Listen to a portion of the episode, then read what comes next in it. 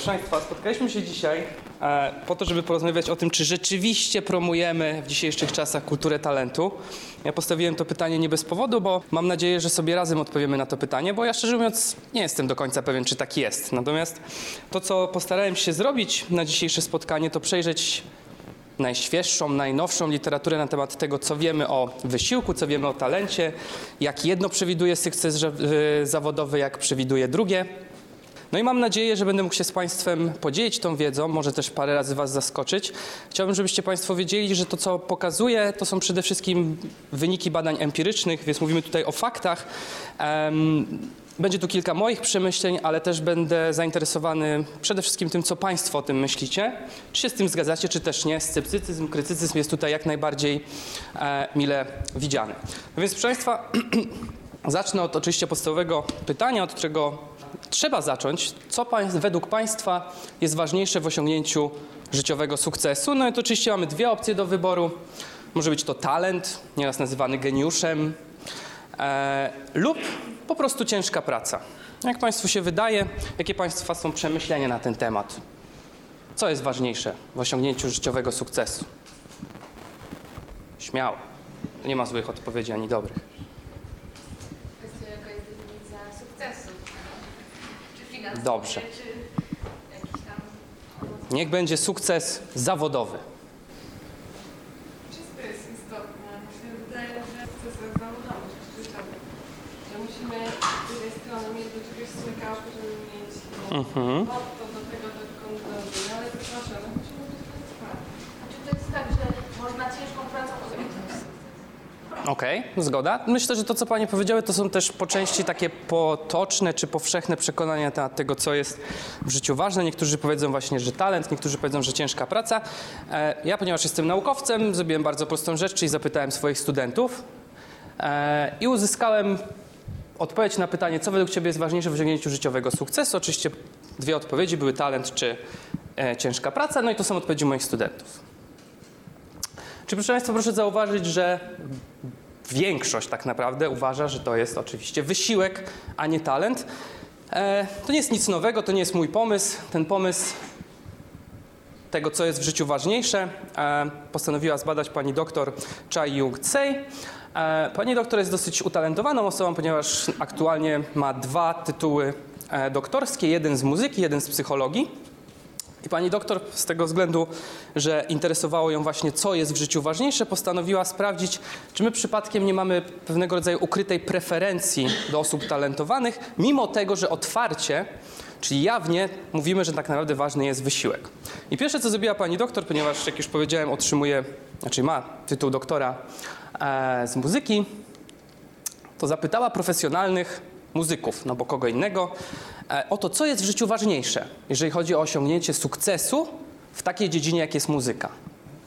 Jakie w tej dziedzinie, według Państwa, co jest ważniejsze, wysiłek czy talent? Wysiłek. Talent do wysiłku. Okej. No, i jak Państwo myślicie, co odpowiedzieli muzycy? Bo najpierw zapytała muzyków o to, co jest ważniejsze. No Okej, zawodowi muzycy, zawodowi, odpowiedzieli wysiłek. Czyli muzyk, który odnosi sukces, to jest taki, który ciężko na to pracował. Okej?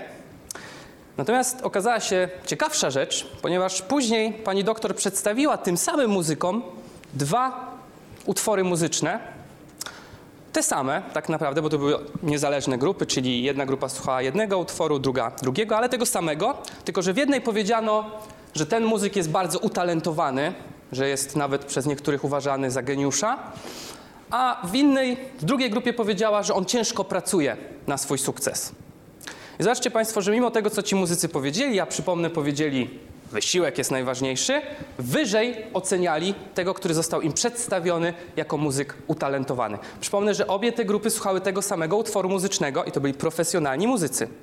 Wyżej ocenili tego, który został im obramowany jako ten muzyk, który posiada talent. Swoją drogą, jeżeli Państwo nie widzieliście tego filmu, to polecam. bo on trochę opowiada o tym, czy wysiłek, czy talent. Tylko, że tutaj wysiłek już jest posunięty na skraj wytrzymałości, czyli jak daleko można się posunąć w sprawdzaniu, ile człowiek może wytrzymać. No dobrze. Muzyka to jest jedna sprawa. Możemy powiedzieć rzeczywiście, że w muzyce ludzie mogą twierdzić, że wysiłek, ale mieć ukrytą preferencję dla osób utalentowanych. Więc pani doktor dwa lata później postanowiła sprawdzić w innej dziedzinie, czy ten sam efekt występuje. I mówię tutaj, proszę Państwa, o efekcie, który polega na tym, że mimo tego, że mówimy, że wysiłek się liczy, tak naprawdę wyżej oceniamy osoby utalentowane. Jak Państwo myślicie, w jakich dziedzinach ciężka praca i dążenie do celu jest ważniejsze niż talent? Wiemy, że w muzyce tak nie jest. W muzyce, e, znaczy, okej, w muzyce ważniejszy jest e, wysiłek, natomiast jest inna dziedzina, w której podkreśla się, że jest jeszcze ważniejszy wysiłek niż talent. Jaka to dziedzina? W której naprawdę sukces osiąga się tylko ciężką pracą, talent już nie ma takiego znaczenia. Górnictwo? Okej, dobrze. Zna pan jakiegoś sławnego górnika? Mhm. Dobra. Sport. Okej, zgoda. Coś jeszcze? Mhm. Okej. Amerykanie odpowiedzieli i 46% z nich odpowiedziała, że biznes i przedsiębiorczość. Że to jest to, gdzie ciężką pracą człowiek sobie wykuwa wręcz swój sukces zawodowy. Oczywiście to ma też silny związek z etyką protestancką, która jest obecna w Stanach Zjednoczonych, czy tam rzeczywiście wierzy się w to, że ciężka praca stworzy z człowieka milionera. Więc profesor postanowiła sprawdzić, czy w tej dziedzinie następuje dokładnie ten sam efekt i jakie są tego koszty, czyli jakie są koszty wybierania ludzi utalentowanych ponad tych, którzy ciężko pracują. Więc pani doktor przedstawiła osobom znowu tego samego przedsiębiorcę, tylko w jednej grupie przedstawiła go jako kogoś, kto swój sukces osiągnął dzięki talentowi, a w drugim pokazała go jako kogoś, kto osiągnął swój sukces dzięki ciężkiej pracy. Mało tego, dodatkowo jeszcze przedstawiała osobom e, badanym dwa rodzaje przedsiębiorców. Jeden to na przykład był taki przedsiębiorstwa, który miał zmierzony wskaźnik inteligencji na poziomie 100, a drugi 130. Doświadczenie w przewodzeniu ludziom wynosiło 2 lata, tutaj 8 lat. Tutaj widzicie Państwo, ile te osoby zebrały kapitału na swoją pierwszą inwestycję, jakie mają umiejętności zarządzania i co najważniejsze, jakie jest źródło tych wymienionych tutaj osiągnięć. No i oczywiście w jednym przypadku to był natural, czyli osoba z talentem, w drugim przypadku to był striver, czyli ktoś, kto ciężko pracą dąży do swojego celu. I to, co interesowało panią doktor, to to, która, którego z tych dwóch bardziej będą preferowały osoby badane, ponieważ zobaczcie państwo, że tu się dzieje ciekawa rzecz. Zobaczcie, że który z tych dwóch jest lepszy według was, obiektywnie. Nie patrzcie na to, na dole. Który z, którego z tych dwóch byście zatrudnili do siebie do firmy? Albo w którego byście zainwestowali kupę pieniędzy? W tego czy w tego? W tego. No, proszę Państwa, sensownie, ten facet ma 6 lat więcej doświadczenia, 30 punktów wyższe IQ, y, o 150, o 100 tysięcy więcej kapitału zebrał. To są konkretne osiągnięcia. Tak? I to jest ten, co pracował ciężko, tamten jest osobą naturalną. I oczywiście chodziło o to, żeby sprawdzić, ile my jesteśmy w stanie z tych rzeczy poświęcić, jeżeli jesteśmy w pewien sposób ukierunkowani na osoby utalentowane. Tu mamy inną opcję, zobaczcie, ten na przykład ma już, ten, ten wypada, załóżmy, lepiej, jeżeli chodzi o IQ, ale gorzej o lata doświadczenia, gorzej o zebrany kapitał i znowu mamy naturalny i e, dążący do sukcesu cięż, ciężką pracą. Chodzi o to, proszę Państwa, takich e, porównań było kil, kilka. To jest tak zwana analiza dyskryminacyjna, która pozwala określić, ile ludzie są w stanie poświęcić z tych rzeczy, ze względu na to, kogo wybierają. Czy wybierają osobę utalentowaną, czy wybierają osobę, która pracuje ciężko. No i proszę Państwa, pierwszy wynik jest taki, że przede wszystkim znowu po raz kolejny w biznesie osoby zarówno nie posiadające doświadczenia w biznesie, jak i posiadające wysokie doświadczenie w biznesie ulegały zniekształceniu w stosunku do osób utalentowanych. Czyli jeżeli kandydat był przedstawiany jako osoba utalentowana, to wyżej osiągano, oceniano jego sukcesy niż ta sama osoba z tymi samymi sukcesami, która zapracowała na nie ciężką pracą. I podobnie jest y, z performance, czyli z tym, jak oceniamy ich wystąpienie. Tutaj chodziło o nagranie swojego wystąpienia w stosunku do rozmowy kwalifikacyjnej, czyli osoby się prezentowały i ta autoprezentacja osoby, która była przedstawiona jako osoba utalentowana, była oceniana wyżej niż ta sama prezentacja tej samej osoby przedstawionej jako osoba ciężko pracująca. I to może nie jest najważniejsze. Najważniejsze jest, proszę Państwa, to ile kosztuje talent, ponieważ pani profesor, pani doktor to obliczyła, czyli za pomocą analizy dyskryminacyjnej wiedziała, ile ludzie są w stanie poświęcić, i to zarówno ludzie, którzy nie mają doświadczenia w biznesie, jak i mają doświadczenie w biznesie, żeby wybrać kogoś utalentowanego. Proszę Państwa, ja to podaję tylko dla przykładu, dlatego, żeby pokazać Wam, że między osobami doświadczonymi w biznesie, a niedoświadczonymi nie było żadnych różnic. Mało tego, dalsze badania pani doktor pokazują też, że osoby, które są ekspertami w danej dziedzinie, częściej temu efektowi zniekształcenia w stosunku do talentu ulegają. Więc zobaczcie, 4 lata, ponad 4 lata doświadczenia jesteśmy gotowi poświęcić, żeby wybrać osobę utalentowaną. Prawie 9, no między 8 a 9% umiejętności zarządzania, prawie 30 punktów IQ, co jest niesamowite, czyli jesteśmy w stanie wybrać utalentowaną osobę, mimo że ma gorsze wyniki na skali IQ niż osoba ciężko pracująca i, co najważniejsze, 32 tysiące dolarów. Tylko dlatego, że osoba została obramowana, czyli opisana jako osoba posiadająca talent. Tyle jesteśmy z badań pani doktora wynika poświęcić i to dotyczy zarówno nowicjuszy, czy ludzi kompletnie nie znających się na biznesie, jak i, i to jest bardziej zastanawiające, ludzi, którzy się bardzo dobrze znają na biznesie i te osoby wolą wybrać kogoś, kto zebrał o 31 średnio tysięcy kapitału mniej, tylko dlatego, że został opisany jako osoba utalentowana. Dlaczego tak miałoby być, proszę państwa?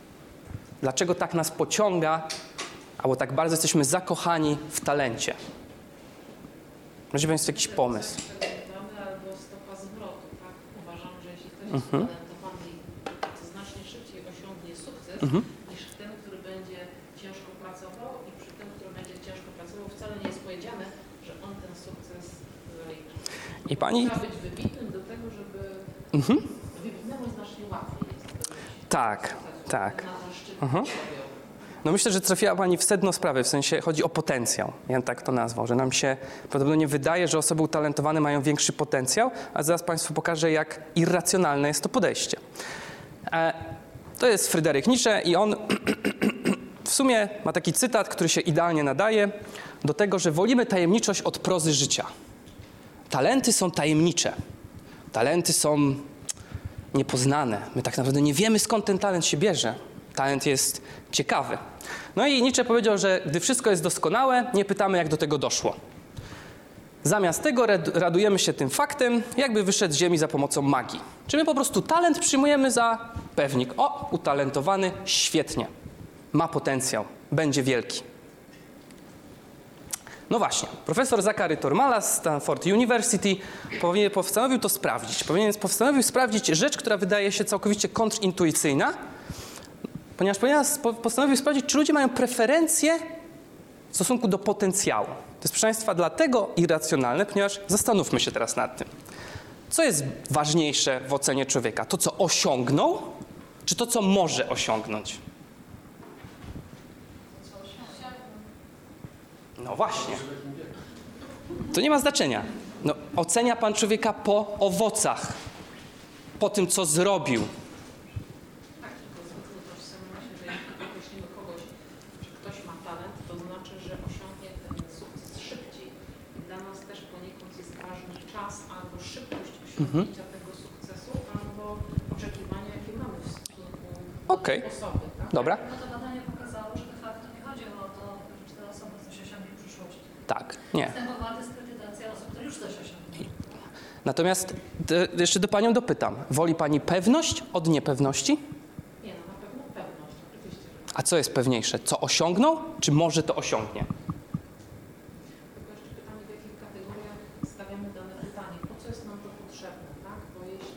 I zaraz Pani powiem po co. Pani pokażę po co. Weźmy sobie graczy NBA. tak? No to proszę. Na, na przykład zabójstwo, tak? I jeśli określamy kogoś, że ktoś ma talent, to znaczy, że w jakiś sposób to zostało zweryfikowane. Dobra, powiem inaczej. Jak ma pani firmę, to zatrudni pani człowieka, który już przyniósł ze sobą 150 tysięcy kapitału, czy takiego, co może przyniesie 150 tysięcy? Więc właśnie to jest ten punkt, do którego dochodzimy. Tam, czy interesują nas ludzie, o których nic nie wiemy, czy określamy mianem człowieka utalentowany, bo mamy dane na podstawie rzeczywiście jego talentu. Ale ja pani pokazałem w wcześniejszym badaniu, że to, że my mamy te dane, to jeszcze nic nie zmienia. Bo obiektywnie pani powinna wybrać tego, który ma lepsze osiągnięcia, a wybiera pani tego, co ma gorsze osiągnięcia, ale jest pokazywany pani jako talent. Proszę pamiętać, że to jest też technika autoprezentacyjna. Ja mogę pani się prezentować jako osoba utalentowana, to jeszcze nie znaczy, że ja ten talent mam. A nie do tego zmierzam. Chodzi mi o to, że ludzie generalnie mają preferencje do rzeczy pewnych i oceniają na podstawie osiągnięć, a nie może będzie dobry. Tak? No okej.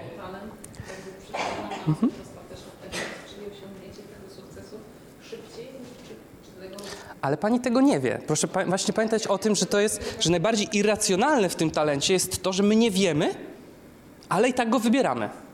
No i właśnie to pokazał profesor Zakary, ponieważ on trochę właśnie myśląc kontryntuicyjnie stwierdził, że a może jednak ludzie mają preferencje do niepewności. I to, proszę Państwa, pamiętajcie, że to chodzi o dziedziny, które są naprawdę ważne. Tu chodzi o rozwój zawodowy, o zatrudnianie ludzi do pracy, o to, jak się ludziom wypłaca nagrody za ich pracę i ile im się płaci za tą pracę. Może przykład trochę odległy od naszego, no ale mamy NBA. Ja nie znam tych graczy, Państwo prawdopodobnie też ich nie znacie, bo to są tak zwani nominowani do bycia w przyszłości świetnymi graczami NBA. Tak? To są te zapowiadające się świetnie talenty. Okay? No i teraz wyobraźmy sobie, proszę Państwa, że opisujemy Wam takiego gracza. Tak zrobiono w tym badaniu. Znaczy, jesteście Państwo menadżerem firmy zatrudniającej koszykarzy. Czyli załóżmy, że jesteście. Pracujecie jako menadżer Lakersów i teraz wy wybieracie te młode talenty. No i przychodzi pierwszy gracz, dostajecie jego statystyki i jest powiedziane, że te statystyki, które on osiągnął, to są statystyki, które on osiągnął przez ostatnie 5 lat. To jest jego konkretny ilość rzutów, trafień i tak dalej, jego skuteczność na boisku. Drugi jest opisany jako ten, który ma potencjał osiągnąć te statystyki w przeciągu następnych pięciu lat. No i potem zapytano bada e, osoby badane, no to ile byś dał na sześcioletni kontrakt, ile byś mu zapłacił? Ja mam pytanie, Mhm. czy wiek w tym wszystkim? W sensie w tym? Szczerze mówiąc nie wiem, ponieważ nad tym się nie zajmowano, ale chyba wiem o czym pan mówi, czy, czy może być tak, że jeżeli ktoś szybciej coś osiągnął, to może być na przykład traktowany jako bardziej utalentowany? Mhm. Produktywność. Tego nie wiem, szczerze mówiąc. Znaczy pokażę Państwu, że jest, są pewne rzeczy, które się wiążą z wiekiem, ale tego akurat nie wiadomo. Natomiast no to jest zaskakujące. To z, jeden z siedmiu eksperymentów, tak? Natomiast zobaczcie Państwo, że dla gracza, który może, to weźmy sobie piłkarza, tak? Dla piłkarza, który może strzelić w przeciągu następnych 50 lat 50 goli, to mu damy 5 milionów dolarów. A ten, co strzelił już 50 gro- dolarów, damy mu powyżej trójki. W sumie czwórkę. No. Skoro ktoś, kto załóżmy chciał zatrudnić e, kogoś e, na boisko, No. no to musiał kierować się jakimiś wytycznymi. Przyszedł do niego pan z danymi i zaprezentował mu dane pod kątem potencjał albo e, Mhm. skuteczność. Mhm. No to jeżeli ten, który to miał wybrać sobie tego gracza, powinien jasno postawić warunki. Podaj mi dwóch, według skuteczności podaj mi dwóch, według których ty uważasz, Ja że rozumiem. Natomiast to- znaczy, nie musi można pani- jakby dwóch e, tak naprawdę. To nie jest, to nie jest dwóch, bo to, dobra, to jedna rzecz, której nie powiedziałem. Ta grupa dowiadywała się tylko o graczu jako tym, który ma potencjał, a ta grupa dowiadywała się tylko taki, o takim graczu, który ma osiągnięcie. Czyli te grupy nie dostawały dwóch. Albo dostawała pani CV gracza, który osiągnie w przeciągu pięciu lat takie statystyki, albo gracza, który osiągnął. Ten sam, te same statystyki, tylko albo osiągnie, albo osiągnął. No i ci, którzy czytali, że on może osiągnąć, byli gotowi dać mu średnio prawie 5 milionów, ponad 5 milionów, a ci, którzy czytali, że już osiągnął, 3. No oczywiście też pokazano to w innych dziedzinach, ale to proszę Państwa przede wszystkim pokazuje, że naprawdę jest w nas preferencja do potencjału. Potencjał oczywiście wierzy się z talentem, czyli my głęboko wierzymy, że talent to potencjał, I co ciekawe, nawet w takich kwestiach jesteśmy gotowi poświęcić pieniądze firmy, wierząc w to, że ten człowiek to osiągnie. Ale my nie wiemy, czy on to osiągnie, co wydaje się z punktu widzenia ekonomii i racjonalności irracjonalne. Jak możemy inwestować w coś, co nie wiemy, czy się zwróci, zamiast w coś, co wiemy, że już przyniosło zysk? No właśnie, dlaczego? Proszę Państwa, bo my lubimy oglądać takie rzeczy. To lubimy. Lubimy magię sukcesu. To jest najwspanialsze. Prawda? My to widzimy. To chcemy oglądać, o tym chcemy myśleć. I przez to myślimy sobie, talent równa się osiągnięcie. Już sam talent jest osiągnięciem. Nie ma o czym mówić. On już jest utalentowany, on już wiele osiągnął. Jeszcze nic nie osiągnął, ale ma potencjał. Ma ogromny potencjał, żeby bardzo wiele osiągnąć. Bo jest taki utalentowany. No. Tylko, Państwa, zapominamy o jednej rzeczy. Za tymi pięknymi obrazkami, które dzieje się proza życia. I to jest proza sukcesu. Bardzo często bolesna, nieraz krwawa, pełna potu i łez, tak naprawdę. Ale gdyby jeszcze Państwo to nie przekonywało, że to jest proza życia i ta proza odpowiada za sukces, to podam Państwu przykład badania, które ja osobiście jestem zakochany w tym badaniu. To jest pani Catherine Morris Cox, która żyła bardzo, bardzo dawno temu, znaczy bardzo to przesady, na przełomie lat 1800-1900 i postanowiła się dowiedzieć, co charakteryzuje, bo charakteryzowało 300 największych historycznych geniuszów. Próbowała zrozumieć, czym jest geniusz, czym jest talent. No i zrobiła to całkiem nieźle. Jej praca liczyła 900 stron, zbadała 64 cechy osobowości, nieżyjących już poetów, wybitnych e, malarzy, artystów, naukowców i tak zrobiła ranking. Ten ranking zrobiła na podstawie ilorazu inteligencji. Ten iloraz inteligencji wyciągała z danych historycznych, czyli na przykład jeżeli jakieś genialne dziecko nauczyło się greki w wieku 3 lat, no to ona próbowała oszacować, jaki to jest iloraz inteligencji w wieku dorosłym i tak dalej, i tak dalej. Na podstawie tego ilorazu inteligencji wy, znaczy stworzyła listę najbardziej wybitnych geniuszy i najmniej wybitnych geniuszy, jeżeli można o geniuszu tak powiedzieć. To jest top 5 i top, albo nie top, pięciu najmniej wybitnych. I to są ich ilorazy inteligencji. Widzicie Państwo jakąś różnicę? Hmm. Niemożliwe. Każdy geniusz był inteligentny. Ponadprzeciętną. E, żeby jeszcze powiedzieć Państwu ciekawostkę, bo będę dzisiaj o tym opowiadał, to jest z poprawką na tak zwany efekt Flynna, czyli tego, że iloraz inteligencji na przestrzeni lat, jeżeli chodzi o, o naszą populację, się zmienia. Więc to jest skorygowane, w oryginalnej pracy one są wyższe, te są skorygowane, dostosowane do tego, jakby to wyglądało dzisiaj. I teraz, e, proszę Państwa, no... Pff. No, Goethe się wy, wybija, zdecydowanie, tak? E, no i właśnie. I do jakiego wniosku doszła pani Katrin? Ponieważ przeanalizowała jeszcze pozostałe 64 cechy osobowości, próbując odpowiedzieć sobie na pytanie, dlaczego ci są najwybitniejsi, a ci tacy wybitni nie byli, mimo że mieli ten sam potencjał. A, swoją drogą wiecie, ile ten pan miał? Bo też się tam znalazł. Taki mądry człowiek. 138, proszę Państwa, to nie jest jakiś wielki wynik. Skąd? Tam gdzieś koło setki. Jakoś tak. Innych wielkich Polaków niestety nie znalazłem na tej liście. E, no i właśnie, i to co, to, co znalazła pani Katrin i nazwała to motywem wytrwałości. W sensie to, co połączyło tych najbardziej wybitnych i co ich rozróżniło od tych najmniej wybitnych, to jest coś, co nazwała motywem wytrwałości. Nazwała to, albo podsumowała to w taki sposób, że wysoka inteligencja, ale nie najwyższa, w połączeniu z największym stopniem wytrwałości tworzy wybitność bardziej niż najwyższa inteligencja z pewną dozą wytrwałości. Więc okej, potencjał ma znaczenie, ale on jeszcze o niczym nie świadczy. No właśnie. I skąd się bierze, proszę Państwa, motyw wytrwałości? No, zaczyna się od lat najmłodszych. E, Był taki czas, chyba w zeszłym roku, Państwo pewnie o tym słyszeliście, tak zwany test pianki. Słyszeliście Państwo o teście pianki? Marshmallow test? Michel i tak dalej. A widzieliście Państwo, jak taki test wygląda? No dobra, to nie chcecie oglądać. Puszczę kawałek. Znaczy, to jest taki przykład, oczywiście współczesny, ale tak to mniej więcej wygląda.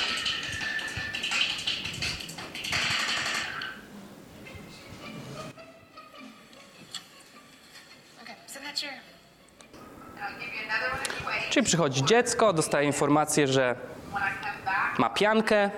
Oczywiście my nie rozumiemy, co jest takiego fascynującego w piance, bo raczej ich nie jadamy. I ma powiedzianą jedną prostą rzecz, że może ją zjeść teraz, albo poczekać, aż pani wróci i wtedy dostanie dwie. To, czego dziecko nie wie, to nie wie, ile musi poczekać. No i zaczynają się, co się fajnie całkiem obserwuje, w przypadku to nie jest prawdziwe badanie, to jest po prostu taki pop eksperyment, co robi dziecko, jak wygląda motyw wytrwałości.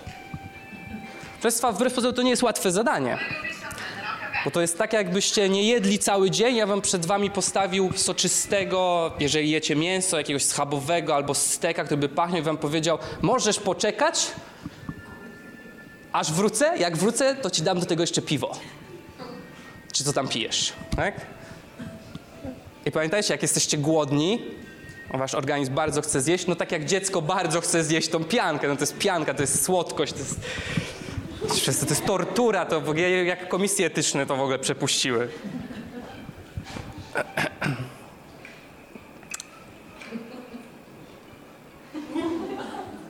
I jeszcze najgorsze, tak, że wiecie Państwo, łatwo jest odwracać uwagę, kiedy macie co zrobić z tą uwagą, a tak siedzicie w pokoju, żadn- żadnych bodźców, nic i tylko ta pianka. Wiecie co Państwo, coś tam musi dziać w środku w tym dziecku? I to, co widzicie teraz, to jest samokontrola. To jest właśnie samokontrola. To jest najczystszy przykład.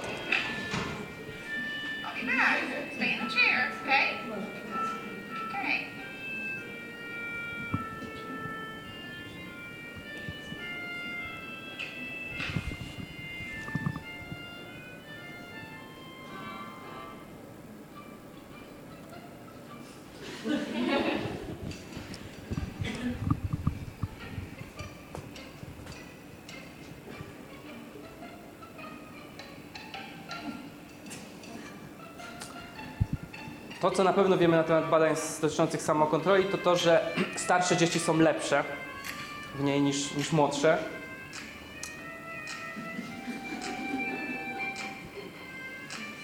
Jak widać, to jedna z najmłodszych uczestniczek.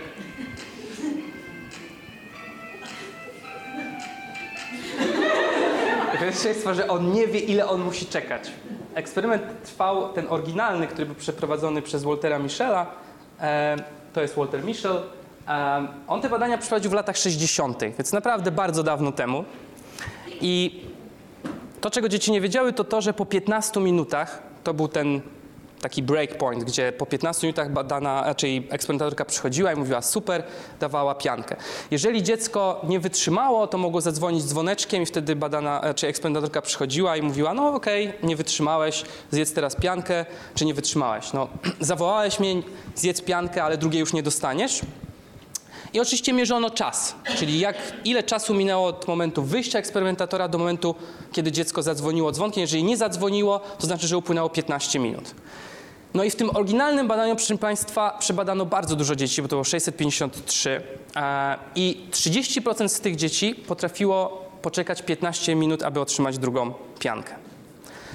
Prawdopodobnie wtedy Walter Mischel jeszcze nie wiedział, co odkrył, czyli jak, jak wielkie znaczenie ma jego odkrycie dotyczące samokontroli, ponieważ e, później dotarto do tych dzieci, 20 lat później dotarto do tych dzieci, w sumie do, do rodziców i do tych dzieci. Nie do wszystkich się udało dotrzeć, to było na pewno mniej niż setka, do których się udało dotrzeć, żeby sprawdzić, czy Oczywiście mówimy o tych 30%, tak? Czyli te, które, znaczy w sumie do wszystkich, ale sprawdzano, czy im dłużej dziecko czekało, tym później miało wyższe wyniki, na przykład w teście SAT, tak miało. To są nasze, to jest nasza polska matura. Czyli im dłużej dziecko było w stanie wytrzymać, czekając na drugą piankę, tym miało wyższe wyniki na maturze, nie wiem, 10 lat później.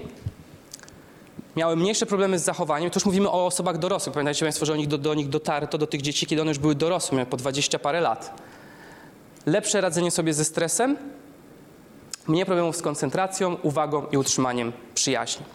Te badania były potem e, kontynuowane. Generalnie cały czas motyw samokontroli jest bardzo interesujący, jeżeli chodzi o badanie. I oczywiście to jest też coś, co nas, znaczy Państwa też przede wszystkim interesuje, bo często się o tej samokontroli mówi i mówi się o tym, jak ona jest ważna. Ja też Państwu przez za moment powiem, czym ta kontrola jest. E, tak naprawdę, bo mamy też dosyć dużo nowych badań na ten temat i ona nie jest do końca tym, co nam się wydawało czym nam się wydawało, że ona jest. Natomiast na pewno samokontrola, Państwo się ze mną zgodzicie, jest trudna, czy nie? Czy skontrolujecie codziennie, luzik, nie, pali, nie palicie, nie pijecie, robicie dokładnie to, co musicie robić w pracy, żadnego Facebooka, nic, nic, maili nie, tylko pracownicze. E, i 100% wydajności w pracy. No proszę Państwa, ten efekt samokontroli został odkryty przez Wegnera, który pokazał paradoksalne efekty samokontroli, polegające na tym, że kiedy poproszono osoby o to, żeby nie myślały o białym niedźwiedziu, to w konsekwencji później szybciej rezygnowały z kolejnego zadania. Prawdopodobnie dlatego, wtedy jeszcze tego nie udowodniono, dlatego że wyczerpywała im się samokontrola. No bo jak ja teraz Państwu powiem, nie myśl o białym niedźwiedziu, to proszę podnieść rękę, kto nie myśli o białym niedźwiedziu. No ale proszę przestać. Przecież to jest bardzo proste. Wystarczy sobie powiedzieć, nie myśl o białym niedźwiedziu. Hm. No właśnie, proszę Państwa. I teraz, jak jesteście na diecie, to nie chcecie myśleć o ciastku, co jest ciężkie. I przez to, że to jest ciężkie, to dochodzi do wyczerpania tej samokontroli. Na czym to polega? Jak nie chcecie Państwo myśleć o białym niedźwiedziu, albo o ciastku, albo o wszystkim, co jest dla Was w danym momencie zakazane, albo Wy sobie powiedzieliście, że to jest zakazane, to musicie automatycznie monitorować swoje myśli, czyli jak tylko na przykład, jeżeli ktoś z Państwa rzuca opalenie i się pojawi ten papieros, i już jest, up, sygnał, pojawił się, przestań o tym myśleć. Nie myśl o tym, nie chcę ci się palić. Jesteś twardy, wytrz- wytrwasz. Więc śledzenie własnych myśli w poszukiwaniu niepożądanej treści i to, proszę Państwa, prowadzi do kontrolowanej interwencji, czyli modyfikowania myśli, staramy się je zastąpić. Tak to wygląda, jakbyście Państwo się zastanawiali, jak wygląda samokontrola na poziomie poznawczym, czyli co się dzieje operacyjnie w naszej głowie, to tak, tak to wygląda. Nie chcecie Państwo myśleć, Dlatego monitorujecie swoje myśli w poszukiwaniu niepożądanej treści i próbujecie interweniować, czyli świadomie zastępować tą myśl jakąś inną, czyli nie ciastko, zjem sobie jabłko, bo przecież sobie obiecałem, że nie będę jadł tam ciastek, tak? No i proszę Państwa, to są najnowsze badania, które pokazały, że ludzie, którzy są bardzo dobrzy w samokontroli, kompletnie jej nie używają. Zaskakujące, prawda? Czy ja byłem zaskoczony? No jak? Takie przykłady samokontroli, samodyscypliny i oni jej nie używają, to po co im ona? No okazuje się, że ludzie, którzy mają bardzo wysoką samokontrolę, kompletnie z niej nie korzystają. Dlaczego? Bo po prostu się nie wystawiają na pokusy. Więc jeżeli ktoś na przykład jest osobą zdyscyplinowaną i się odchudza, to taka osoba nie kupuje sobie ciastek do domu i mówi: Jestem twardy, wytrzymam. Nie będę ich jadł. Będę je jadł tylko w niedzielę. Kurna, jest już sobota. Dobra, wytrwam. Tak? Oczywiście można tak, ale okazuje się, że osoby o wysokiej samokontroli po pierwsze w ogóle unikają takich sytuacji, w której mogłyby zostać pokuszone tym ciastkiem, jak już się tego ciastka czepiliśmy. Nie trzymają ich w domu. To jest tak samo jak z rzucaniem papierosów, tak? Nie trzymam awaryjnej paczki, bo a nuż, tak? Zrywam kontakty niestety z osobami, które palą w czasie godzin pracy, no bo sorry. I proszę Państwa, to ma ogromny sens, jeżeli chodzi o to. Bo jeżeli samo kontrolowanie siebie jest męczące, a jak się zmęczymy, to się poddajemy i ulegamy tej pokusie, to najlepiej się na pokusę nie wystawiać. Więc proszę Państwa, chciałbym, żebyście tylko zapamiętali tą jedną rzecz. Samokontrola to unikanie pokus. To nie chodzi o to, że Państwo macie być siłaczami mentalnymi, którzy nad, przed tym ciaskiem czy przed tą pianką sobie powiedzą nie. No nie o to chodzi. Chodzi o to, żebyście się nauczyli unikać jakichkolwiek pokus, jeżeli chcecie być dobrzy w samokontroli. Tak przynajmniej robią ludzie, którzy są świetni w samokontroli. I to było badanie przeprowadzone na e, rzeczywistych osobach, które chodziły z telefonami komórkowymi i zapisywały, co robią aktualnie. Okazało się, że te z najwyższą samokontrolą kompletnie z niej nie korzystają. O dziwo te z najmniejszą cały czas. Cały czas się wystawiają na pokusy. No i tu jakby przechodzimy do, do najważniejszej osoby, jeżeli chodzi o ten wykład. E, to jest pani Angela Lee Duckworth, która swoją drogą okazuje się, że już ta książka jej została przetłumaczona i tą książkę Państwu serdecznie polecam. E, Dużo z tej książki dostajecie teraz w formie tego wykładu, chociaż tylko część pewną. Natomiast polecam, proszę Państwa, ona została przetłumaczona jako upór, natomiast e, Oryginalna nazwa to jest grit i zaraz Państwu o tym, o tym też opowiem. Natomiast na polski język został to przetłumaczone jako upór, to jest potęga pasji i wytrwałości. Pani Angela, w skrócie powiem, jest też o tyle ciekawą osobą, że miała bardzo dobre stanowisko u Mackenzie'ego w Stanach Zjednoczonych, była analitykiem i tam w pewnym momencie doszła do wniosku, że to nie jest praca jej życia, że to nie jest pasja, dlatego też jej książka jest o potędze pasji i wytrwałości. I rzuciła tą świetnie płatną pracę, żeby wziąć się za naukę matematyki przedszk- nie przedszkolaków, w sumie, no trochę przedszkolaków, tak, osoby w podstawówce czy na tym poziomie. Bardzo słabo płatna praca i do tego jeszcze bardzo wymagająca, ponieważ matematyka nie jest łatwym przedmiotem do nauczania. I od tego zaczęła się jej pasja związana z psychologią i tak naprawdę próbie, próbie zrozumienia, co różni dzieci, które odnoszą sukcesy w matematyce i które nie odnoszą tych sukcesów, bo od tego się zaczęło, bo Angela miała jedną pewność, że to nie jest kwestia intelektu, to nie jest kwestia IQ, to nie jest kwestia talentu.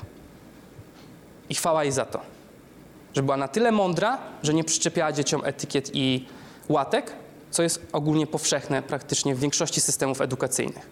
Dzieci się po prostu kategoryzuje na ma talent, nie ma, tym się zajmę, dlatego nie ma często tracić czasu. Przecież on i tak nic nie osiągnie. Nie ma potencjału. E, zaczęło się, proszę Państwa, od badań, które naprawdę już mają kilka lat, bo to był 2005 rok. E, jeszcze pani e, profesor pracowała wtedy z Martinem Seligmanem, mogło, mogło się Państwu to nazwisko obić, to jest guru psychologii pozytywnej, e, człowiek, który tak naprawdę stworzył podwaliny pod system em, terapii behawioralno-poznawczej. I mm, razem, to był jej e, promotor, profesor Duckworth przeprowadziła badanie na osobach, e, na nastolatkach, ponieważ chciała sprawdzić, co jest ważniejsze w osiągnięciu sukcesu, jeżeli chodzi o szkołę. Czy samodyscyplina, czy IQ? Czy inteligencja, czy samokontrola? Więc co się proszę Państwa okazało? Oczywiście tu mamy samodyscyplinę, tu mamy IQ, tutaj mamy tak zwane kwantyle, czyli to jest wynik, jaki osiągało dziecko. Tutaj dzieci osiągały, tu się znalazły dzieci, czy przy jedynce znalazły się dzieci, które osiągały najniższy wynik na skali IQ e, mierzonej testem inteligencji i na skali samodyscypliny stworzonej przez Duckworth, a tutaj były dzieci, które miały najwyższe punkty. I proszę Państwa, póki co do tego, czyli do środka, widzimy, że IQ zwycięża. To są wyniki na e, takiej powiedzmy naszej maturze, czy testach pogimnazjalnych, czy tam gimnazjalnych. Coś w ten, coś w ten deseń. Natomiast jak dobrze dziecku poszło na teście takim podsumowującym, co on tam robił przez te lata swojej nauki. I do tego momentu, czyli tutaj mamy dzieci, które są nisko na samodyscyplinie, nie mają najwyższego poziomu IQ, najciekawiej robi się od tego momentu, czyli od środka. Tutaj mamy dzieci, które są nie tylko bardzo inteligentne, ale też dzieci, które mają bardzo wysoki poziom samodyscypliny. To oczywiście by wskazywało, że jest, jest związek między IQ i samodyscypliną. Tylko oczywiście pytanie brzmi, co na co wpływa? Czy to jest tak, że dzieci, które mają wysokie IQ są świetnie zdyscyplinowane, czy może jest tak, że dzieci, które są świetnie zdyscyplinowane, mają wysokie IQ? Wiecie Państwo o co chodzi. Co było pierwsze? E, I zobaczcie, proszę Państwa, że tu mamy dzieci, które w tej ćwiarteczce mamy dzieci, które są najinteligentniejsze spośród wszystkich badanych i najbardziej zdyscyplinowane. I okazało się, że te najbardziej zdyscyplinowane osiągnęły wyniki dwa razy lepsze niż te najbardziej inteligentne. Albo mówiąc jeszcze inaczej, samodyscyplina dwukrotnie bardziej wyjaśniała sukces na maturze niż inteligencja. Dwukrotnie bardziej. I dlatego, tak jak zresztą został zatytułowany ten artykuł, samodyscyplina przeskakuje inteligencję. Podsumowanie Duckworth jest takie. Nasze wyniki sugerują, że głównym powodem, dla którego uczniowie nie wykorzystują swojego potencjału intelektualnego, jest ich porażka w ćwiczeniu samodyscypliny.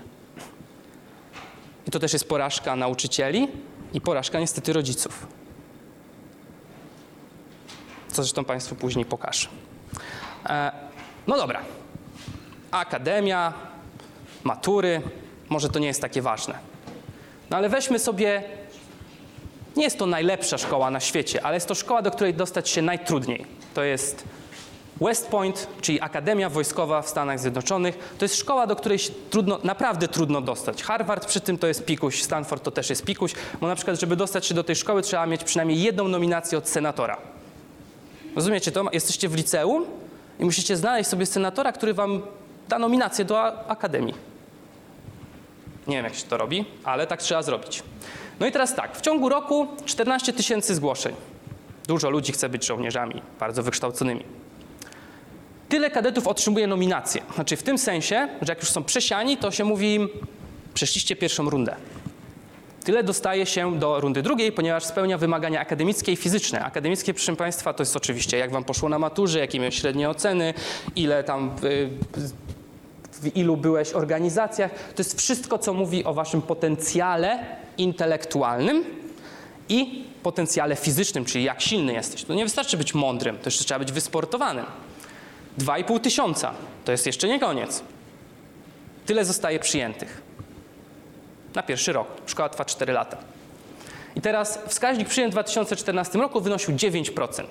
jest bardzo mało. 91% odpada, 9 jest przyjętych. I teraz najlepsi z najlepszych, znaczy to są najlepsi z najlepszych, tak? Te 1200 osób. A jednak 1 na 5 odpada przed ukończeniem szkoły.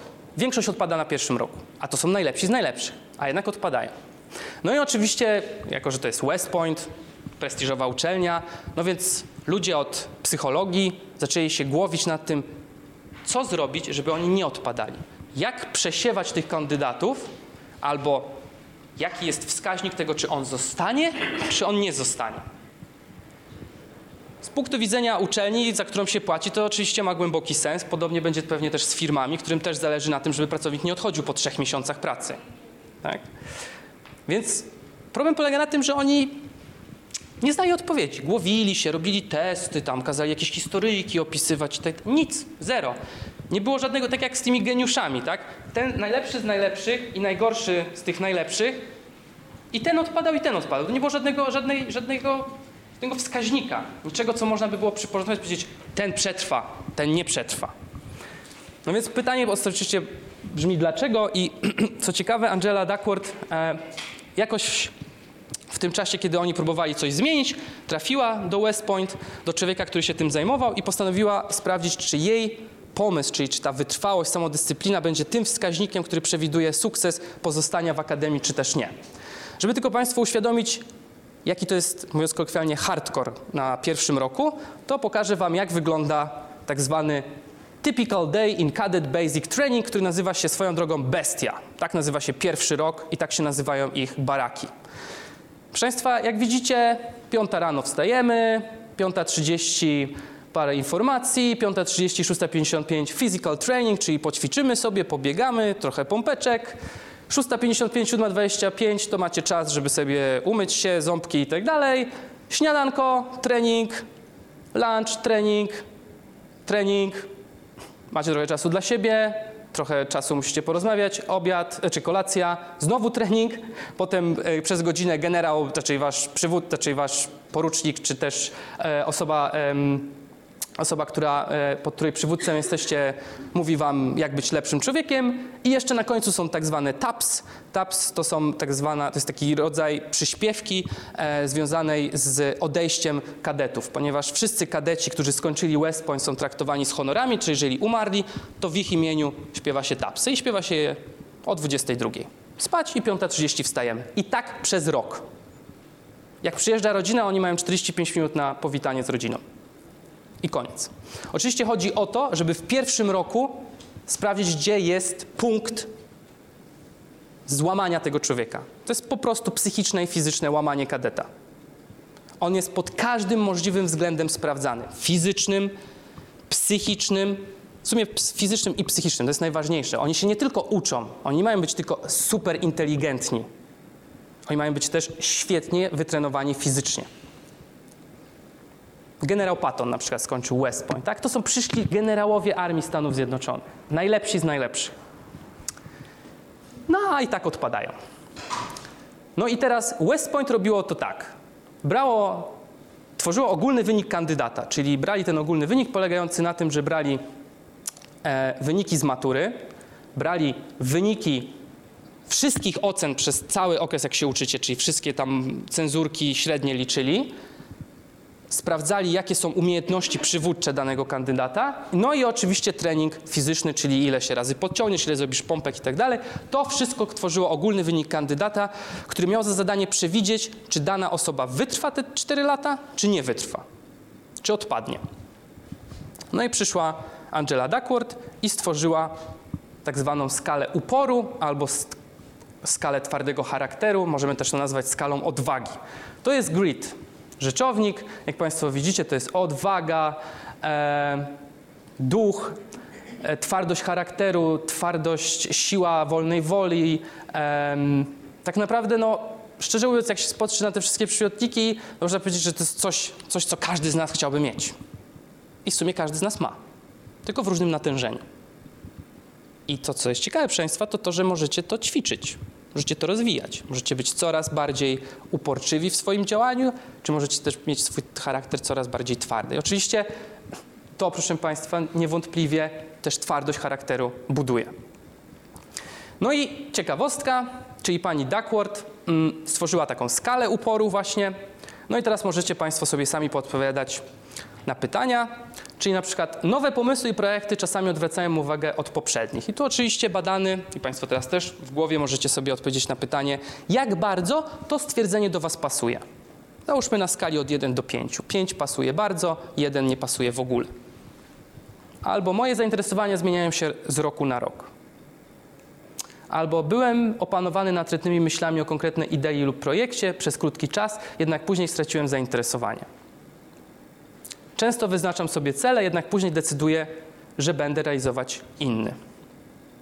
Bo inne. Mam problem z utrzymaniem uwagi na projektach, których realizacja zajmuje więcej niż kilka miesięcy. To jest, proszę Państwa, pierwsza część skali, na którą składa się taki wskaźnik, który Angela Duckworth, aha, interesuje się nowymi zajęciami co kilka miesięcy, e, który Angela Duckworth nazwała konsekwencją, spójnością zainteresowań, a w sumie to pasją. To, proszę Państwa, powinno wskazywać na to, czy jesteście konsekwentni w dążeniu do swoich celów. Czy jesteście spójni, jeżeli chodzi o Wasze zainteresowania, co w pewien sposób, nie zawsze, może się przekładać albo może świadczyć o tym, że jesteście owładnięci jakąś pasją. Druga część to, jest, to są pytania w stylu pokonałem problem, aby osiągnąć ważne wyzwanie. Problemy nie zniechęcają mnie. Jestem osobą, która ciężko pracuje. Kończę cokolwiek zacząłem, osiągnąłem cel, którego realizacja trwała latami. Jestem pilny.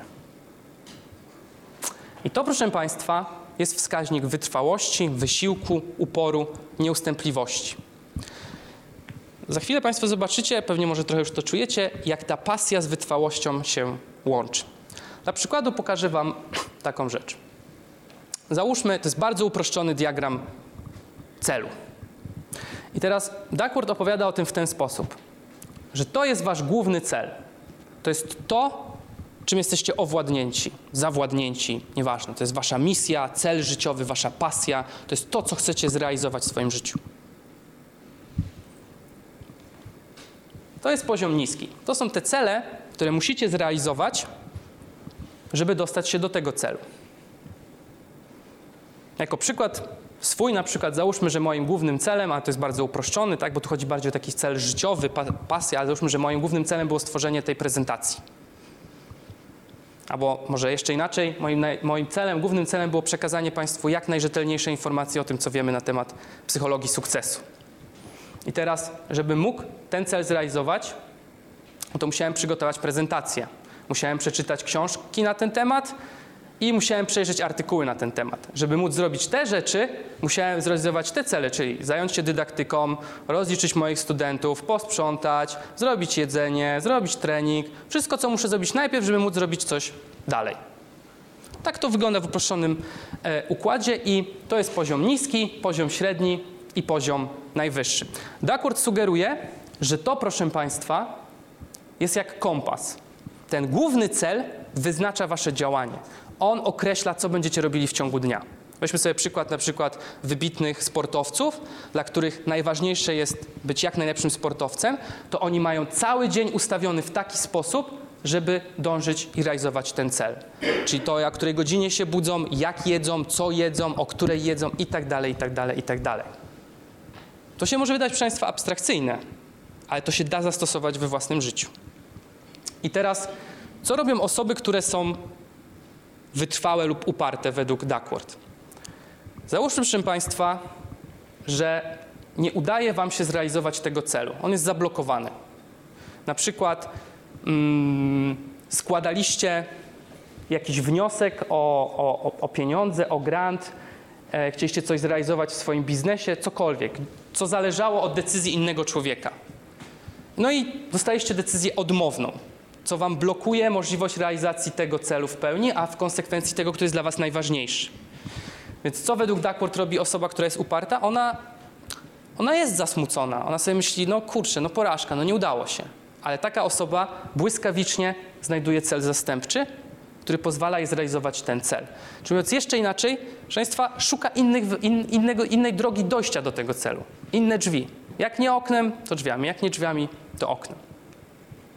I proszę Państwa, to też jest ważne. Czy Musicie pamiętać o tym, że nieraz trzeba sobie po prostu odpuścić. Jeżeli to jest zablokowane, a chcecie osiągnąć to, żeby osiągnąć tamto, to nieraz trzeba sobie powiedzieć, dobra, to nie ma sensu. Odpuszczam, znajdę inny sposób. Nie będę się bić, niepotrzebnie tracić na to energię. Jako ciekawostkę, jakbyście Państwo się zastanowili, zastanawiali na przykład, jak określić swój główny cel, cel zawodowy czy życiowy, no to mamy Warrena Buffetta, no w sumie facet sukcesu, jakby nie patrzeć, self-made millionaire i on swoją drogą powiedział, że na wszystko potrzeba czasu, no bo przecież nie da się wyprodukować dziecka w miesiąc, jeżeli weźmiemy 9 e, kobiet, które są w ciąży. No. Ma to sens. No i proszę Państwa, on ma takie trzy kroki ustalania priorytetów. To podobno jest anegdota. Od, on to powiedział swojemu pilotowi. Czyli bo pilot nie wiedział do końca, co on tam w życiu chce robić, oprócz tego, że lata samolotem. Więc mu powiedział tak, wypisz sobie 25 celów zawodowych, bardzo dużo. Jak Państwo nigdy nie próbowaliście, to polecam. Masakra. Ale da się. Musicie zaznaczyć pięć najważniejszych. Pięć, pięć takich, które mają najważniejsze dla Was znaczenie. I potem tylko wystarczy tych 20 pozostałych unikać. Bardzo proste. Za wszelką cenę. Bo i to samo powie Wam Duckworth, te 20 odwraca Waszą uwagę od tych pięciu najważniejszych. Czyli tak naprawdę chodzi o to, żeby zidentyfikować, co Wam przeszkadza. Co Wam przeszkadza w realizacji tego, co sobie wyznaczyliście jako główny cel. Czyli wracając do, do, tego, do tego naszego głównego celu, musicie zidentyfikować, co Wam oprócz Facebooka uniemożliwia realizację tych celów. No? Chodzi o rozpraszanie i koncentrację. No i idąc dalej, proszę Państwa, wracając do naszych kadetów. No więc mamy dwie skale. To jest skala Whole Candidate Score, czyli to, co wymyśliło West Point. Pamiętacie, tam były wyniki z matury, wyniki ocen, sprawność fizyczna. A to jest skala Duckworth, którą przed chwilą sobie mogliście wypełnić, czyli 12 pytań. I przez 4 lata śledzono w sumie 2,5 tysiąca kadetów z dwóch roczników i sprawdzano po pierwsze ustalono, jaki jest ich wynik na grid scale i na whole candidate score, a potem sprawdzono, do którego roku dotrwali.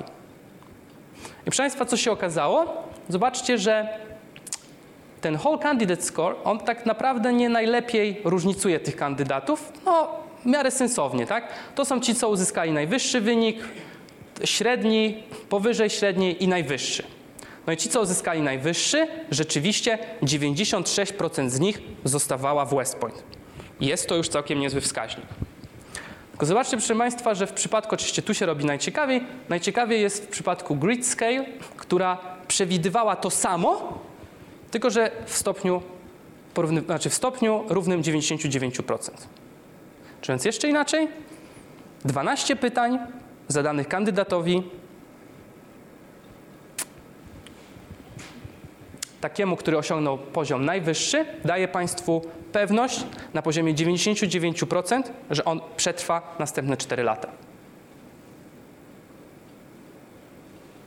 12 pytań. 12 pytań. Oczywiście mówimy o tych, którzy na tej skali osiągnęli poziom, wynik najwyższy, czy są ci najbardziej wytrwali, uporczywi ludzie, których celem jedynym w życiu jest skończyć West Point. Nic więcej się nie liczy. I oni wypełniają to skalę i przewidywanie są 99%. Okej, to jest 2,5 tysiąca kadetów, proszę Państwa. To jest naprawdę badanie trwające 4 lata. Ale okej, możecie powiedzieć, dobra, ale to za mało, za mało, więcej, więcej dowodów. No to weźmy sobie uczestników tak zwanego National B, e, National B Contest, bodajże to jest e, narodowy, w Stanach, narodowy konkurs e, ortograficzny. Bardzo taki prestiżowy. Tam też naj, najmądrzejsze dzieci się przeważnie e, znajdują. No i mamy znowu cztery poziomy. Mamy tutaj IQ, self-control, czyli samodyscyplina, samokontrola i grid scale. Mniej więcej tu jest środek, czyli tutaj mamy dzieci, które wypadają na tych wszystkich trzech wskaźnikach poniżej średniej, a tu mamy dzieci, które wypadają powyżej średniej. Czyli są bardziej inteligentne, bardziej samozdyscyplinowane i bardziej uporczywe w działaniu. No i zobaczcie, proszę Państwa, że oczywiście tutaj to są powiedzmy 75% dzieci, znaczy 75% dzieci nie uzyskuje takiego wyniku, a 25% uzyskuje. No to tutaj najważniejsze było IQ, ale wśród znowu tych najlepszych to są ci, którzy wygrali ten konkurs. Znaczy to są w ogóle, to są wszyscy, to są ci, którzy wygrali, bo to są 175 e, dzieciaków, które osiągnęły najwyższe wyniki. Znowu grit, czyli uporczywość była najważniejsza i to ona lepiej niż IQ i samodyscyplina przewidywały, czy dziecko wygra ten konkurs i które miejsce zajmie w tym konkursie. Okazuje się, że te, które wygrały, były nie tyle najmądrzejsze, co najbardziej wytrwałe w swoim działaniu. No i tutaj kolejny przykład tego, że oczywiście liczy się cel, a celem każdego z tych dzieci było wygrać ten konkurs. I okazuje się, że te dzieci, które najmocniej chciały wygrać ten konkurs, najsilniej do niego ćwiczyły, najmocniej, najdłużej. Były w stanie zrezygnować z zabawy na rzecz nauki. No proszę Państwa, Duckworth uważa, że wysiłek liczy się podwójnie. Dlaczego podwójnie?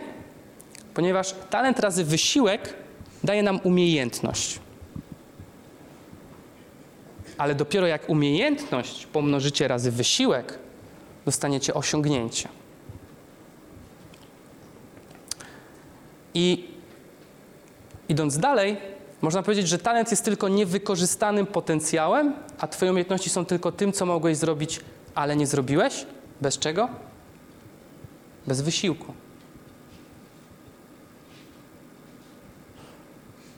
I właśnie w tym momencie zacząłem się zastanawiać, czy to nie jest dołujące? Jeju, to tak trzeba ciężko pracować w życiu, żeby coś osiągnąć. Teraz sobie myślę tak, że może, może my tak wielbimy ten talent, bo on nas zwalnia z obowiązku wykonywania jakiejkolwiek ciężkiej pracy. My chcielibyśmy, żeby wszystko się działo magicznie. W zasadzie pyk i jest sukces. Tak jak to widzimy w telewizji. Tak? Tam Pyk i jest sukces. Tylko nikt nie pamięta o tym, ile to kosztowało człowieka wysiłku. E, no dobra, to czy w takim razie talent w ogóle można rozwijać? Trochę abstrahując od wysiłku. A propos inteligencji, tego czy to jest tak, że inteligencja się rozwija, czy się nie rozwija, czy może jest tak, że ten wysiłek sprawia, że jesteśmy inteligentniejsi, a może nie jesteśmy. Więc tak, najważniejsze jest to, żebyście wiedzieli, że talent to nie tylko geny. To nie jest tak, że zostało zdefiniowane raz na zawsze i jest koniec. Jak się urodziliście bez talentu, to jest kicha. Nic w życiu nie osiągniecie. Ale jak się urodziliście z talentem, to macie duży potencjał, że coś osiągniecie. Ale to też nadal nie znaczy, że coś osiągniecie. Proszę Państwa, talent to nie tylko geny i wspomniany e, Flynn, profesor Flynn, e, proszę Państwa, odkrył rzecz, która zmieniła sposób myślenia o inteligencji na wiele sposobów, ponieważ on odkrył, że tempo rozwoju naszego cywilizacyjnego zależy od doświadczeń. I w sumie chodzi o inteligencję, proszę Państwa. To jest e, IQ mierzone na poziomie populacji, czyli całego świata.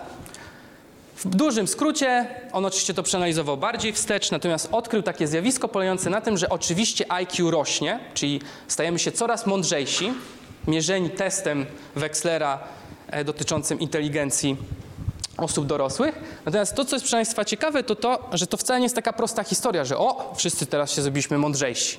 Nie do końca. Staliśmy się mądrzejsi, ale nie we wszystkich dziedzinach. To są trzy różne podtesty e, testu inteligencji. dotyczących podobieństw, czyli szukacie Państwo w dwóch pojęciach podobieństwa, słownictwo i arytmetyka. I to, co odkrył Flynn, to oczywiście stajemy się mądrzejsi, ale na przykład wcale się nie zrobiliśmy mądrzejsi pod, pod względem słownictwa czy liczenia, tylko staliśmy się mądrzejsi w logicznym myśleniu, znajdywaniem podobieństw między różnymi elementami w świecie. I Flynn uważa, że to prawdopodobnie wynika z tego, że oczywiście poprawiła się edukacja, poprawiło się to, jak się uczymy, czego się uczymy. Tempo rozwoju narzuciło w nas potrzebę e, szybkiego dostosowania się do zmian i to prawdopodobnie wszystko przełożyło się na to, że stajemy się mądrzejsi. Ale proszę Państwa, to jest piękny przykład tego, że można zwiększać inteligencję. Nie tylko na przestrzeni populacji, nie tylko na przestrzeni setek lat. Państwo też możecie być mądrzejsi. Tylko musicie włożyć w to wysiłek. No, samo się nie zrobi, niestety. Jakby się zrobiło, to pewnie byłbym super multimilionerem teraz. Bym mówił, o pyk, jest, tak zrobicie i będziecie super inteligentni. Proszę Państwa, to pokazuje, że ludzie są coraz mądrzejsi, więc talent, czyli inteligencja, to nie tylko geny. I to też doskonale wiemy z badań, że środowisko, to gdzie się wychowujecie i jak się wychowujecie, ma ogromny wpływ na to, jakie będzie późniejsze wasze IQ. No dobra. Wzrost uporu, proszę Państwa. Angela Duckworth też zapytała, e, zapytała ludzi mm, w różnym wieku o to, jak wygląda ich upór.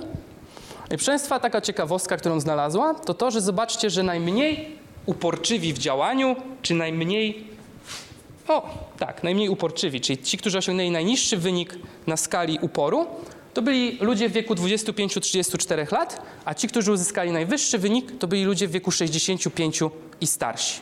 Czyli z tej próby, którą przebadała Duckworth, a to była próba e, narodowa, czy prawie 5 tysięcy Amerykanów, ci najstarsi byli około dwa razy bardziej wytrwali niż ci najmłodsi. Mogli to jeszcze jakoś skonsumować w tym wieku? Tego nie wiem. E, natomiast oczywiście pytanie brzmi, dlaczego tak jest? I o czym tam to mówi? Słucham? W czasie, jaki mam, bo ja bym była bardzo zdeterminowana, mając, nie wiem, do setki ileś tam lat, bo muszę szybko coś zrobić, niż to, że mam 25. W sumie jestem na skraju dróg i co ja mam Mhm. A znaczy na tym, że zmniejsza się ilość celów. No mam już dom, mam już tam Mhm. jakieś osiągnięcia, mam dzieci odchowane. Albo jest to suma doświadczeń, że już wiemy, że pewne rzeczy po prostu nam przeszkadzają i nie Mhm.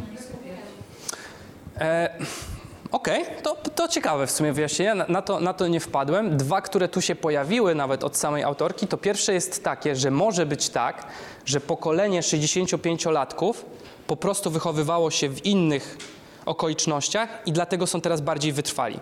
Czyli jakby otoczenie, środowisko, życie, które było powiedzmy surowsze niż to dzisiejsze, bo nie mieli tyle udogodnień życiowych, zbudowało w nich twardszy charakter. Tak? W porównaniu do dzisiejszych 25-latków, którzy mają łatwiej i takiego, takiej twardości charakteru, tej, tej uporczywości jeszcze nie zbudowali. To jest jedno wyjaśnienie, czy to jest e, wyjaśnienie, które oczywiście wymaga zbadania, czy to jest różnica międzypokoleniowa, w zależności od tego, w jakich czasach żyliśmy. Często się teraz mówi o tym, że teraz mamy takie dzieci, które nie mają żadnego charakteru, tak? One w ogóle takie jakieś nie wiadomo, co to jest. Nie? Więc to może być jedno z wyjaśnień. Albo drugie jest takie, które panie zasugerowały, że upór rośnie, czyli jest sumą doświadczeń, że człowiek ten upór buduje w sobie, tą wytrwałość. I dlatego 65-latek mógł być kiedyś mało wytrwały, ale życie go tej wytrwałości nauczyło. On budował w sobie tą wytrwałość, ja Państwu opowiem o tym, jak to można robić. I w wieku 65 lat już jest po prostu prawdziwym twardzielem. Taki Clint Eastwood. No? Życia. Jakoś tak. I no dobra, to w takim razie jak rośnie upór, proszę Państwa? To jest podstawowe pytanie, czy w ogóle upór, czy ta twardość charakteru, czy to można budować, czy, można tego, czy tego się nie da budować. Pamiętajcie, że to jest, to jest taka cecha osobowości, która nie ma żadnego związku z y, funkcjami poznawczymi. To nie jest kwestia e, umiejętności, inteligencji, tego jak szybko liczycie, jak szybko kojarzycie fakty. Nie ma żadnego związku z inteligencją, z funkcjami poznawczymi. No, jest, tak się mówi, że ona jest zupełnie niepoznawcza cecha osobowości. To jest bardziej związana z siłą woli, tak byśmy to nazwali. No, Duckworth twierdzi, że zaczyna się od zainteresowania, pasji, radości. Zresztą nie tylko oni, inni badacze, którzy się tym zajmują, wykonywania danej czynności. I proszę Państwa, to jest... y, To są przeważnie te lata, kiedy jesteśmy bardzo młodzi, bardzo młodzi. No nie wiem, na poziomie liceum, gimnazjum, znaczy znowu będą teraz licea, no więc liceum, podstawówka. To są te młode lata, kiedy jesteśmy zainteresowani otaczającym nas światem. Nieraz Duckworth też mówi, że jak Państwo chcielibyście się dowiedzieć, co jest Waszą prawdziwą życiową pasją, to byście się cofnąć w głowie do tego czasu i sobie odpowiedzieć na pytanie, co mnie wtedy rzeczywiście interesowało co było tym moim takim marzeniem, co chciałem zrobić. No często się okazuje, że no nie wyszło tak, jak miało być. No. Więc to jest oczywiście bardzo ważne, żeby pozwalać dzieciom eksplorować świat, żeby szukały tej pasji. No i jak już Państwo znajdziecie tą pasję w sobie, jak już znajdziecie sobie ten główny cel, no to potem oczywiście zaczyna się proza życia. Nie ma hup i już jesteście zwycięzcami. Niestety to tak nie działa. No musicie, kurczę, swoje ciężary ponosić. I proszę Państwa, to jest o tyle ważne, że nie wystarczy po prostu trenować. I nieważne, co sobie wymyślicie tam, jeżeli chodzi o trening. Czy to będzie bieganie, czy to będzie pisanie, czy to będzie mówienie, czy to będzie prezentowanie, czy to będzie nauka, czy zarabianie. Nie wystarczy tylko trenować. Trening musi być celowy i przemyślany i to jest to, nad czym przeważnie nie myślimy, albo o czym nie myślimy, z czym sobie nie dajemy rady. To jest pan profesor Anders Eriksson, e, który jest ekspertem od ekspertów. To jest człowiek, który poświęcił swoją e, pracę badawczą na odkryciu, co łączy wszystkich ekspertów. Dlaczego oni są ekspertami, dlaczego są najlepsi w swojej dziedzinie i tu go przede wszystkim chodziło o to, co oni robią innego niż normalny człowiek. Dlaczego, dlaczego ja nie biegam jak najlepszy sprinter świata, mimo załóżmy, że biegam. On biega, ja nie biegam. Albo na przykład gracie Państwo na gitarze, ale nie gracie jak zawodowcy. Dlaczego? Bo co, nie macie talentu? Mam niezrealizowany potencjał. No, proszę Państwa, e, w krótkim podsumowaniu to, co odkrył Anders, wygląda mniej więcej tak. Czy zaczynacie czymś się interesować, czyli zaczynacie rozwijać tą swoją pasję i próbujecie, próbujecie dochodzić do wniosku, e, jestem beznadziejny, przestajecie się tym zajmować. Czyli tak powiedzmy po pierwszej porażce idziecie tam biegać i stwierdzacie, "Pff, to jest nie dla mnie, to jest bez sensu jest to bieganie, ja nic w tym bieganiu nie osiągnę. Nie mam talentu do biegania, bo nie mam talentu do pisania, nie mam talentu do mówienia, ja do niczego nie mam talentów generalnie, mam talent do leżenia. E, więc jestem słaby i się poddaję, koniec, kropka. Tutaj mamy amatora, czyli tu, to jest tak suck threshold, tak, czyli to bycia słabym. E, I to jest, proszę Państwa, tu my jesteśmy tutaj, my jesteśmy tutaj wszyscy, co tam robimy, jesteśmy przeważnie amatorami. I my jesteśmy tymi ludźmi, którzy sobie mówią tak, no okej, mogę to zrobić i będę to robił tak, jak to robię. To nie ma nic, nie ma sensu tego usprawniać, po co to usprawniać. Tak jak robię jest fajnie, niech tak zostanie. Po co to zmieniać? Jeszcze, jeszcze, jeszcze, jeszcze się coś nie uda, bez sensu. I tu, proszę Państwa, zaczyna się różnica między amatorami a profesjonalistami. Ci profesjonaliści tutaj się w ogóle nie zatrzymują, ponieważ oni nie dość, że nie są zniechęcani porażkami, te porażki wręcz im dorzucają do pieca. Te porażki im mówią ćwicz mocniej, ćwicz silniej, ćwicz jeszcze bardziej i nawet jak osiągną, okazuje się, że nawet jak osiągną poziom ekspercki, to to nie jest koniec dla nich. To nie jest, o dobra, jestem ekspertem, pff, jestem najlepszy. Nie. Ci ludzie mają jedną filozofię. Zawsze to, co robię, mogę robić lepiej. I dlatego dążą do tego, żeby trenując, ulepszać siebie. I stąd się bierze tak zwany przemyślany trening, czy deliberate practice. To jest taki trening, proszę Państwa, ja nie myślałem o tym, że można tak to robić, ale można tak to robić. Nieważne, co tam trenujecie, możecie tak to trenować. Od czego musicie zacząć? Musicie najpierw sobie jasno zdefiniować cel, który chcecie osiągnąć w czasie treningu. Czy to ma być, czy macie mówić lepiej, czy macie e, biec szybciej, czy macie e, lepiej się prezentować, czy lepiej mówić, nieważne. Musicie zdefiniować sobie cel. Jak już go zdefiniujecie i przystępujecie do treningu, to to musi być pełna koncentracja. Pełna koncentracja i pełny wysiłek. A nie ma, że boli. Ja to, proszę Państwa, oczywiście mówimy to na przykładzie badań, które pokazały, co robią eksperci. Najlepsi z najlepszych. O, oczywiście wracając, możecie być tu, a możecie być też tu. No? To zależy od Was. I teraz to, co jest tutaj najważniejsze, to zaraz po treningu powinniście mieć natychmiastową i pouczającą informację zwrotną, czyli wy musicie sami sobie ustalić, jak się dowiecie, czy poszło wam tak samo dobrze jak zawsze, czy gorzej, czy lepiej. Bo na podstawie tej informacji wyciągacie wniosek, co trzeba ulepszyć. I chodzi o to, że potem dokonujecie refleksyjnej powtórki z udoskonaleniem. Oczywiście jak ja o tym mówię, nie wiem czy Państwo, oczywiście mówimy po prostu o sportowcach, tak, który wykonuje 100 skoków i za każdym razem trener mówi to źle, to popraw, to jeszcze lepiej, to jeszcze lepiej, aż w końcu skoczy jeszcze dalej. Tak? Oczywiście to by się wszystko wydawało takie, że to tylko dotyczy sportu. To nie dotyczy sportu, proszę Państwa. Tych ekspertów, które badał Ericsson, to są wszystkie możliwe dziedziny, w których możecie sobie wyobrazić ekspertów, muzyków, sportowców, przedsiębiorców e, i tak dalej. I proszę Państwa, te rzeczy są najważniejsze. To, czego my nie robimy, e, na przykład Duckworth, która się spotkała z Eriksonem, opowiadała mu, że ona biega.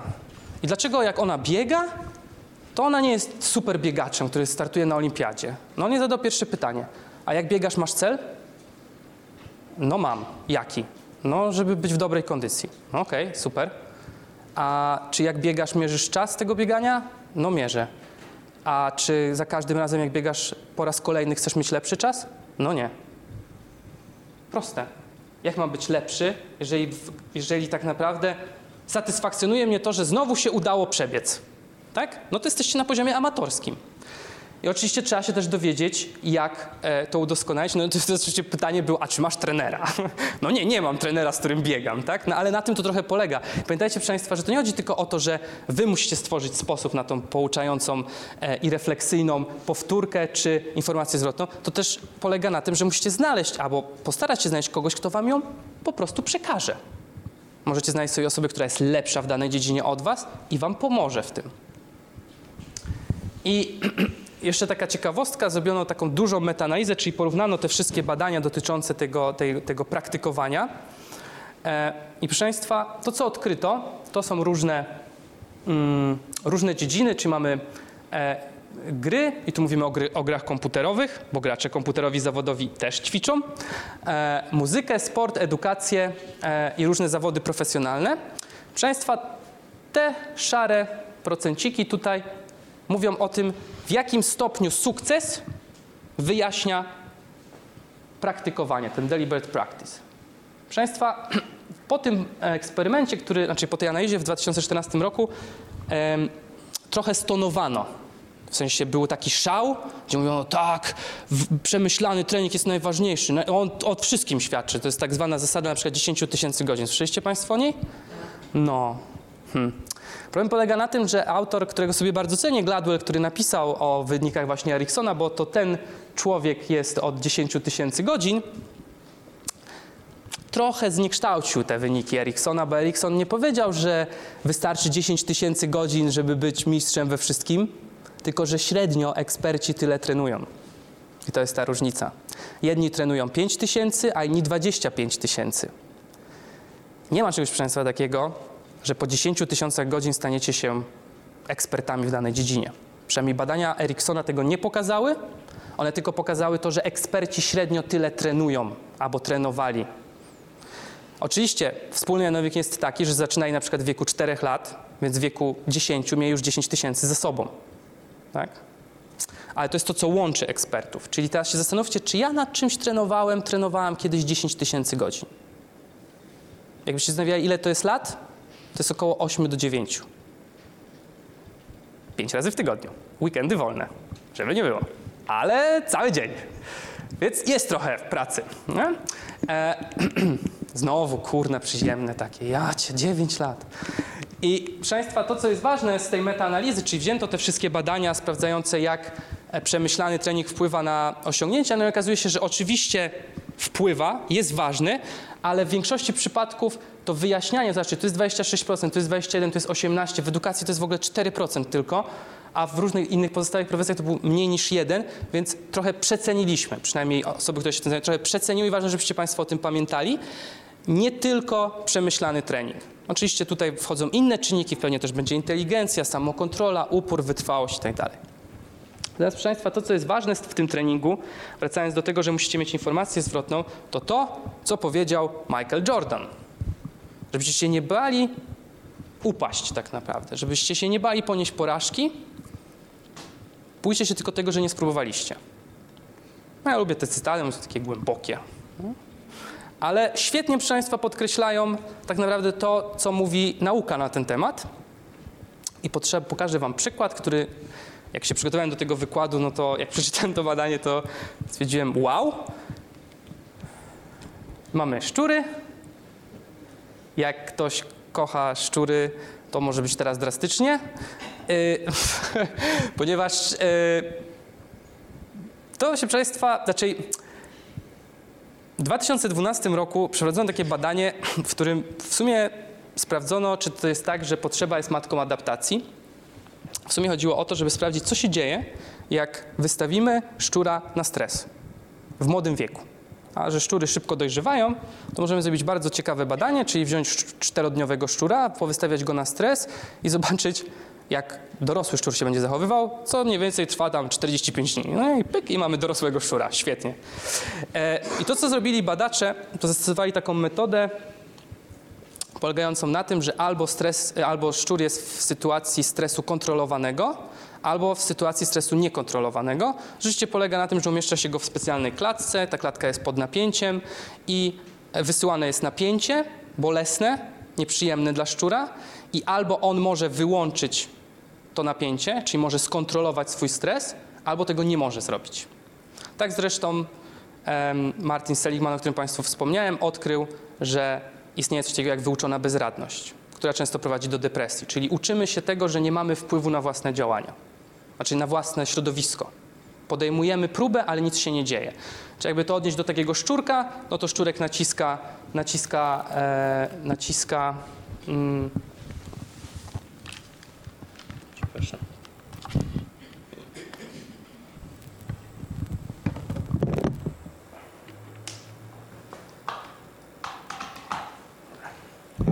Czyli szczur, szczur, naciska, mm, szczur naciska dźwignię i prąd jest wyłączony, albo szczur naciska dźwignię i nadal prąd płynie, przez co uczy się e, tego, że przestaje mieć wpływ na sytuację, która, się, która jest dla niego po prostu stresująca, niebezpieczna i nieprzyjemna.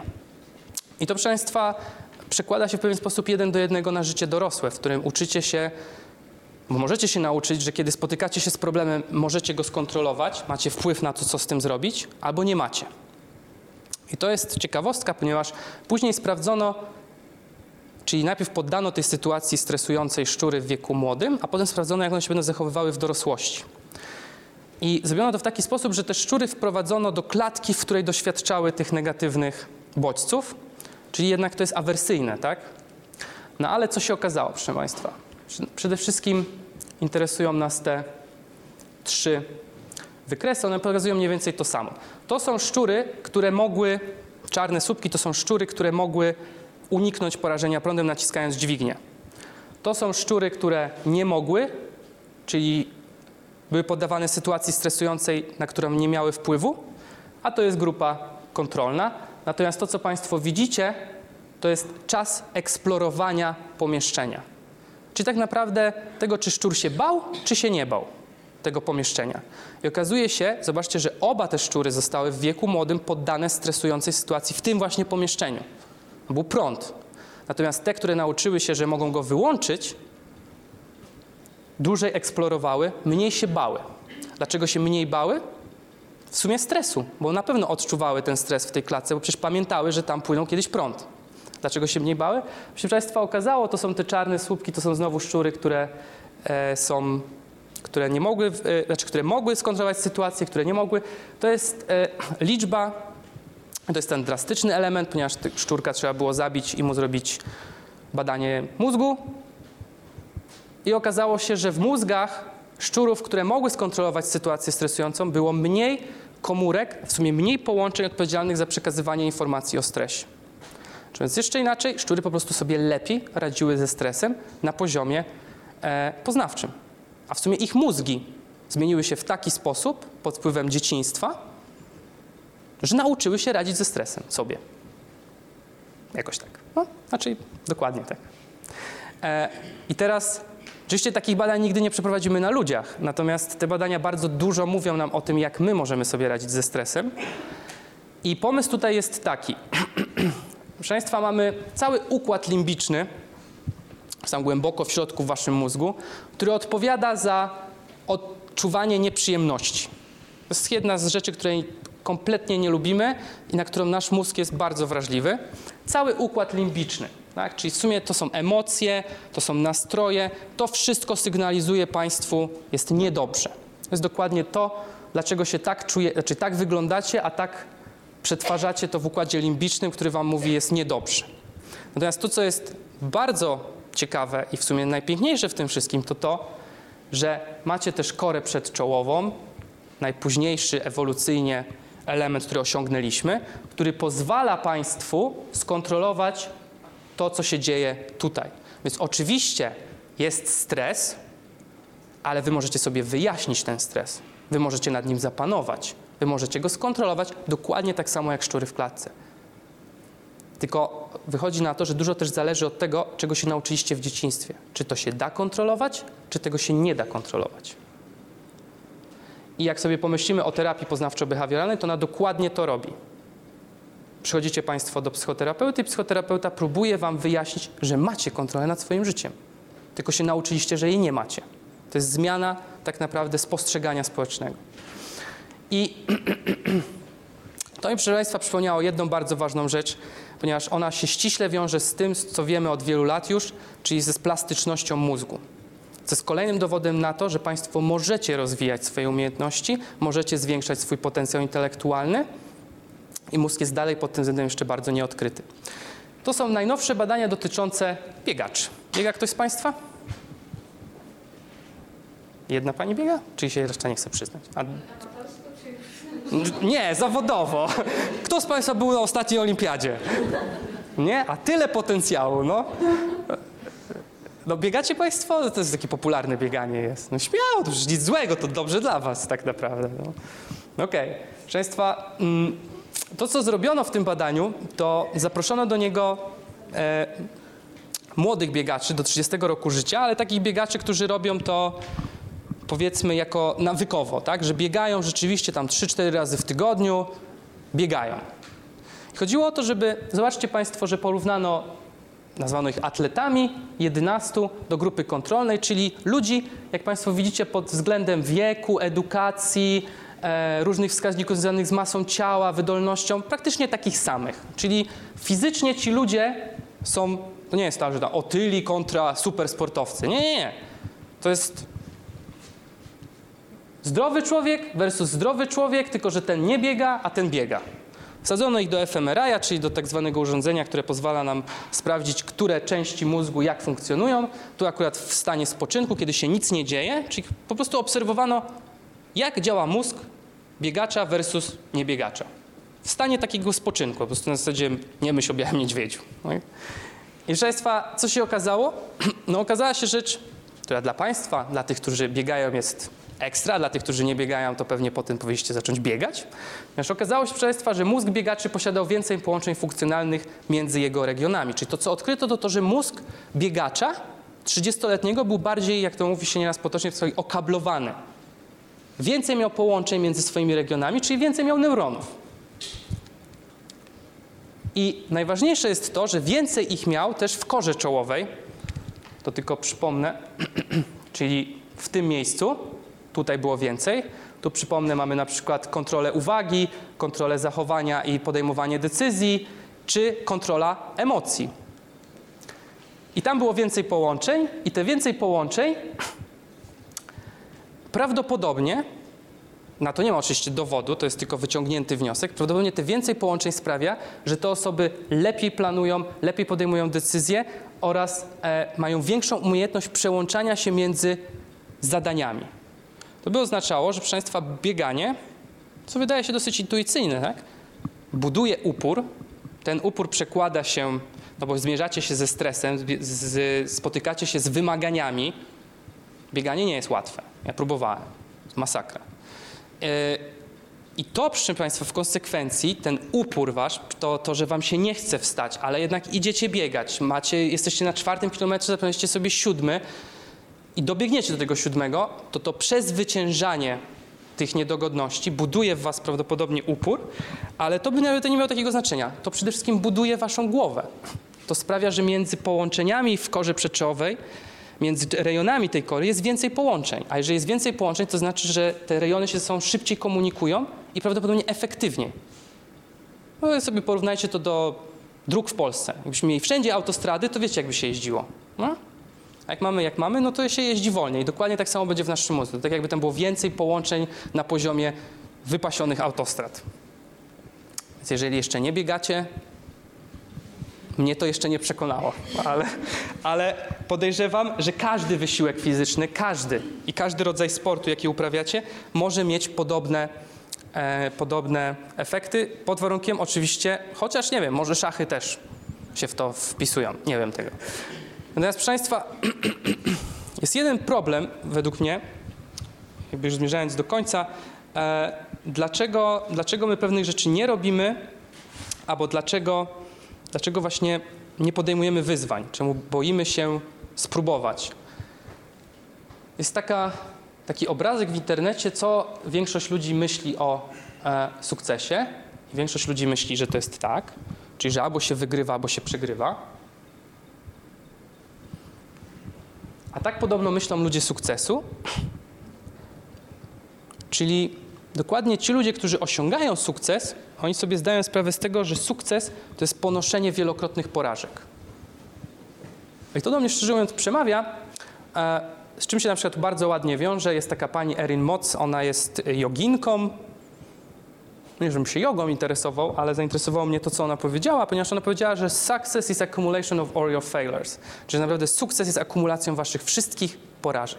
I to jest, proszę Państwa, taki sposób myślenia, który, jak ja sobie o nim myślę, to mi się wydaje, że jest całkowicie obcy Polakom. Nie czy wy macie podobnie? Natomiast to oczywiście wiąże się ściśle, nawet ten sposób myślenia się też wiąże z, z etyką protestancką, która u nas jest nieobecna. Natomiast e, to jest tak naprawdę etyka ciężkiej pracy. I jest jedna bardzo ważna rzecz, ponieważ profesor Karol Dweck, o której mogliście Państwo słyszeć, ona napisała książkę Mindset. Nie wiem dlaczego w, po polsku została przetłumaczona jako nowa psychologia sukcesu, czy jakoś tak. Bardzo dziwnie, znaczy wiem dlaczego, ponieważ chodzi o to, żeby to po prostu sprzedawać jako, jako dobry materiał takiej, e, tego, jak osiągnąć w życiu sukces i okej, ja nie mam z tym żadnego problemu. Natomiast ja będę się trzymał pojęcia mindset, E, dlatego, że mindset, proszę Państwa, można przetłumaczyć jako nastawienie, sposób myślenia, postawy i przekonania. Proszę Państwa, w psychologii możecie mi uwierzyć na słowo. Jest setki, jeżeli nie tysiące badań, które pokazują, jak silnie Państwa przekonania o świecie wpływają na to, jak Wy się zachowujecie, jak reagujecie na ten świat, jak go spostrzegacie. Więc wszystko się tak naprawdę zaczyna w Waszej głowie. I to, co, co tam jest, ma przeogromny wpływ na to, jak wygląda Wasze życie. Jak wyglądają Wasze relacje z innymi ludźmi, jak Wy siebie traktujecie, jak traktujecie innych. Pamiętajcie, że to jest tylko przekonanie, a przekonanie nie musi mieć nic wspólnego z prawdą. Nic wspólnego z obiektywizmem, nic wspólnego z faktami. To jest tylko wasze przekonanie. Nic więcej. To jest tak jak wasza opinia. Albo jak się mówi teraz popularnie, alternatywny fakt. I możecie Państwo sobie teraz odpowiedzieć na pytania, które zadawała Karol Dweck, a ona zadawała je dzieciom. Czyli Znowu odpowiadacie na pytanie, jak bardzo ja się zgadzam z tym stwierdzeniem, albo jak bardzo to stwierdzenie do mnie pasuje. Inteligencja jest czymś bardzo podstawowym, czego nie można za bardzo zmienić. Albo tylko garstka ludzi będzie naprawdę dobrymi sportowcami, ponieważ musisz urodzić się z odpowiednimi umiejętnościami. Albo często wpadam w gniew, kiedy otrzymuję opinie na temat moich wyników. Albo naprawdę mądre osoby nie muszą się mocno starać albo jesteś pewnego rodzaju osobą i niewiele możesz zrobić, żeby to zmienić. I teraz, proszę Państwa, osoby, które zgadzają się albo twierdzą, że no, to do mnie pasuje, ja tak myślę o świecie, to są osoby, które według, Maj, e, według e, Carol Dweck mają tak zwany fixed mindset, czyli ich nastawienie to jest nastawienie, że wszystko jest stałe i nie da się tego rozwijać. To jest nastawienie na to, że każdy z nas nosi pewien potencjał, ale on jest niezmienny. Jak się urodziłeś mało inteligentny, to taki umrzesz. Jak nie umiesz rysować, to się już nigdy nie nauczysz. I tak dalej, i tak dalej. Drugie podejście, no to jest podejście, w którym możecie Państwo sprawdzić, jak się do niego ustosunkowujecie. Nieważne, ile masz inteligencji, zawsze możesz ją odrobinę zmienić. Im ciężej nad czymś pracujesz, tym lepszy w tym będziesz. Doceniam, gdy ludzie, rodzice, trenerzy albo nauczyciele dzielą się ze mną swoją opinią na temat moich wyników. Zawsze możesz zmienić to, jak inteligentny jesteś. Ważnym powodem, dla którego odrabiam zadania domowe, jest przyjemność uczenia się nowych rzeczy. To jest akurat item dla dzieci. Tak? No i oczywiście Państwo się domyślacie, to jest według Carol Dweck growth mindset, czyli tak naprawdę nastawienie wzrostu. I ona naprawdę oddaje, proszę Państwa, zaraz Państwu też to pokażę, te kilka, to jest w sumie pięć pytań. Pięć pytań je- jednego mindsetu i drugiego, to jest cała skala dziesięcio, pytania. Ona świetnie oddaje to, co ludzie myślą o świecie. Natomiast zaraz Państwu pokażę, jakie są konsekwencje tego, co myślicie. A jak powiedziałem, to, co myślicie, nie musi mieć żadnego związku z rzeczywistością. Zresztą przed chwilą Wam pokazałem przynajmniej dwa badania, które wskazują jasno na to, że mózg jest plastyczny i można rozwijać umiejętności. Można zwiększać liczbę połączeń, co już przeczy stwierdzeniu, inteligencja to jest dane coś raz na zawsze. No nie, nauka mówi całkowicie coś innego. Ale jakie to ma znaczenie? Przecież ja wiem lepiej. Liczy się moje nastawienie, a nie fakty. No? I teraz zobaczcie, proszę Państwa, co się dzieje, kiedy jesteście nastawieni na całość. Jeżeli chodzi o umie- mamy porównanie, nastawienie na całość, nastawienie na wzrost. Mamy umiejętności. Co myślimy o umiejętnościach? Myślimy o nich, to jest coś, z czym się urodziliśmy. Nie można tego zmienić. Bierz, y, bierze się z ciężkiej pracy, może być ciągle ulepszana albo ulepszane. Wyzwania. Coś, czego unikasz. Może ujawnić brak umiejętności, łatwo się poddaje.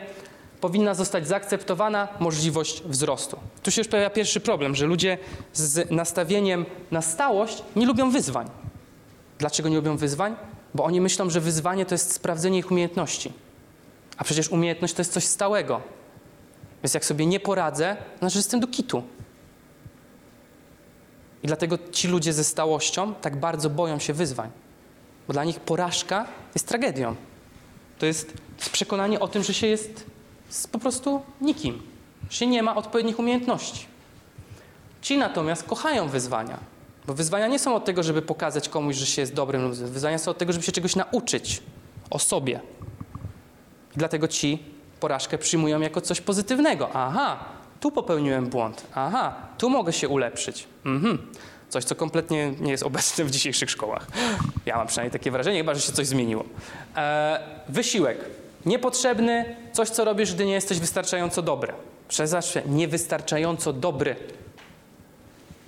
Niezbędny, droga do mistrzostwa. Wiecie Państwa, że to jeszcze jak mówimy, czyli słowa mają ogromne znaczenie, zaraz Państwu pokażę, jak ogromne znaczenie mają w tym, jak kształtowany jest tak naprawdę mindset, czyli nastawienie do, do życia. Informacja zwrotna. Jak ją otrzymuje osoba z nastawieniem na stałość, ona się broni, ona traktuje to osobiście, ona traktuje to jako zagrożenie dla jej samooceny, jako coś niedobrego. O, teraz on będzie mi oceniał i teraz pokaże, że jestem głupi. Natomiast osoba, która myśli o nastawieniu, e, jest nastawiona na wzrost, myśli o tym, że to jest pożyteczne, fajnie, że ktoś mi to powie. To jest, proszę Państwa, ten przemyślany trening. Super, że ktoś mi powie, co mogę zrobić lepiej. Nie znaczy, że jestem głupi. Dzięki temu wiem, co mogę ulepszyć. Zastanówcie, proszę Państwa, czy można się czegoś nauczyć od poklepywania po ramieniach? Świetna robota, świetna robota. Aha, aha, aha. No dobra, i zostajesz na poziomie e, nowicjusza, no bo jak świetna robota, to nie ma co usprawniać, tak? No świetnie, ekstra. Dobrze mi idzie, to tak zostanę. No, ale że ktoś w końcu przyjdzie i powie wam, świetna robota, ale możesz zmienić to, to, to i to, to jest pole do ulepszeń. Oczywiście to jest problem tego, jak otrzymujemy informację zwrotną, czego się też nie uczy. Na przykład ja jestem nauczycielem akademickim, nikt nigdy nie uczył, jak dawać dobrą informację zwrotną człowiekowi, a podobno to jest klucz. Nawet są całe badania o tym, jak dawać informację zwrotną. Czy tam początek jest pozytywny, koniec jest pozytywny, a w środku wam wrzucacie ile wlezie, tak? Ale, ale początek jest ok, koniec też jest ok, tak? Byście człowiekowi super, ale du, du, du, du, du, i na końcu się nie poddawaj. Tak? Ale jest ale, bo już zapomina się tego początku Tak. I powiedzieć na przykład innych. No na przykład, tak? Natomiast tego się, tego się nie uczy ludzi. No nie wiem, chyba, że macie Państwo inne doświadczenia, ale nawet w pracy się tego nie uczy, bo to ja nie mówię tylko o dzieciach, ja mówię też o dorosłych. Dorośli też się tym przejmują, bo to nie dotyczy tylko dzieciaków, to dotyczy też ludzi dorosłych, to też jest w państwu, tak? W, państwu. I, e, no i teraz, jak Państwo tak myślicie, to naprawdę jak Wam ktoś daje informację zwrotną negatywną, to się bronicie. No ja, co ty? Co ty mi tu gadasz? To był trudny test. E, no dobra. I teraz ostatnie problemy. To jest, proszę Państwa, najważniejsze. Czyli to są te, te przeciwności losu, są te kłody, które Wam życie rzuca pod nogi. I to jest kolejny przykład. Tak? To wszystko wynika samo przez się. Jakby. No zobaczcie, oni winą innych. Oni się zniechęcają. Przede wszystkim to jest winienie innych. Czyli jak ja mam problem, jak ja ponoszę porażkę, to nie jest moja wina. To jest akurat jedna z technik e, obrony samooceny. Tak? Czyli jeżeli ja nie chcę się czuć źle z tym, że poniosłem porażkę, to zrzucę winę na innych. Wykładowca był zły, źle prowadził te zajęcia. Taki trudny test zrobił. A nie, kurczę, mogłem się uczyć więcej. Kurczę, za mało wysiłku w to włożyłem. Nie? To nie jest łatwe przyznać przed samym sobą też, że się nie włożyło odpowiedniej ilości wysiłku. Natomiast ci sobie myślą, problem? Pobudka. O kurczę, jak mi się nie udaje, to znaczy, że kurczę, za mało pracowałem. Trzeba pracować ciężej, mocniej, więcej. I od razu mi się roki tam po tych schodach biegnący. Zresztą, że jest- Amerykanie są pod tym względem genialni. Wszystkie te filmy mają o tym, o tym właśnie. O tym. Nie o talencie, nie o geniuszach. Oni nam po prostu wręcz przesyłają swoim, swojemu narodowi jasną informację. Zapierdzielaj. Cały czas. Na dobro nas wszystkich, tak? Marzesz wszystko. Zobaczcie, tam no nie ma takiego myślenia. To jest kraj, w którym jest największa dysproporcja między bogatymi i biednymi. To Państwo, państwo wiecie. Ona jest największa od czasów e, e, e, tej wielkiej depresji czarnej niedzieli. Tam nigdy nie było takiego rozwarstwienia społecznego między bogatymi a biednymi.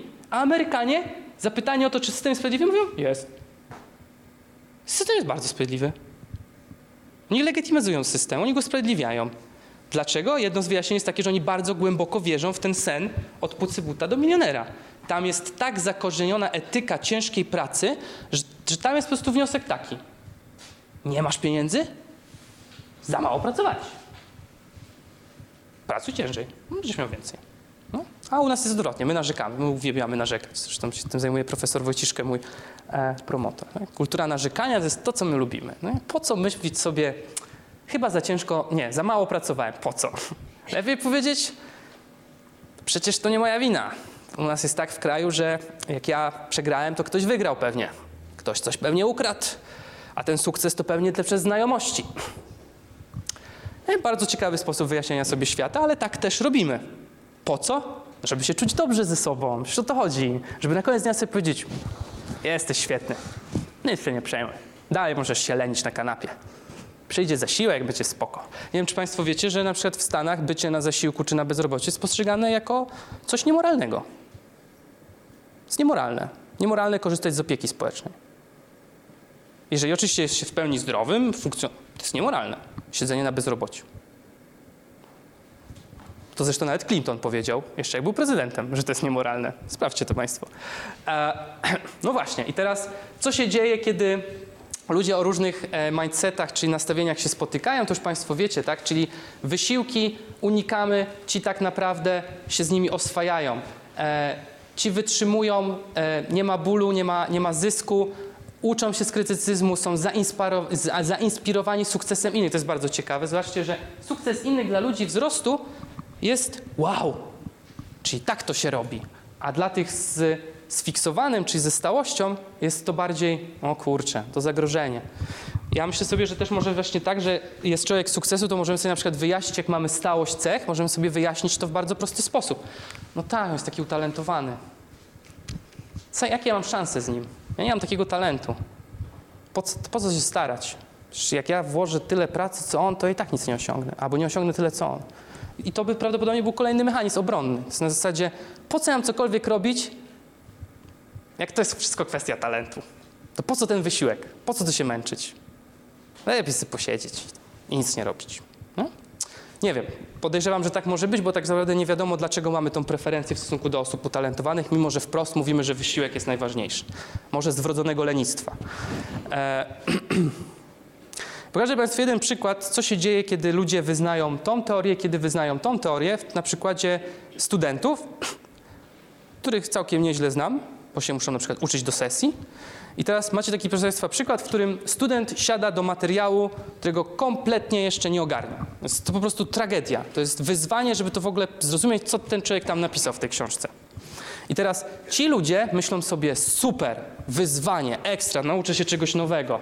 Mimo, że tam jest po prostu siekaw w tej książce. Nic nie rozumie, ani jednego słowa, ale jest nadzieja. Jest, jest pasja do tego, żeby się tego nauczyć. Ci myślą, katastrofa. No katastrofa, przecież ja tego nie ogarnę. Ja nie mam takich umiejętności. Jak ja nie rozumiem ani jednego słowa, to co ja mam dopiero się tego nauczyć? W konsekwencji ci dostają piątkę, bo się uczyli. A ci co dostają? Ci dostają jedynkę, bo się nie uczyli, no bo co się mieli uczyć, jak i tak się nie nauczą, bo nie mają umiejętności. Tak? I jaka jest tego konsekwencja, proszę Państwa? Tu chodzi o samoregulację, czyli to, o czym mówię. Konsekwencja jest taka, że i ci są zadowoleni, i ci są zadowoleni. Na koniec dnia jeden i drugi pójdzie przed lustro i powie świetna robota, stary. Jak Państwo myślicie, dlaczego tak jest? Dlaczego jedni i drudzy są szczęśliwi, zadowoleni? Potwierdziło i No, stwierdziło się jej przypuszczenie. No tak, dokładnie. To jest akurat efekt też samospełniającej się przepowiedni. Ci wiedzieli, że poniosą porażkę już na etapie w ogóle podchodzenia do wyzwania.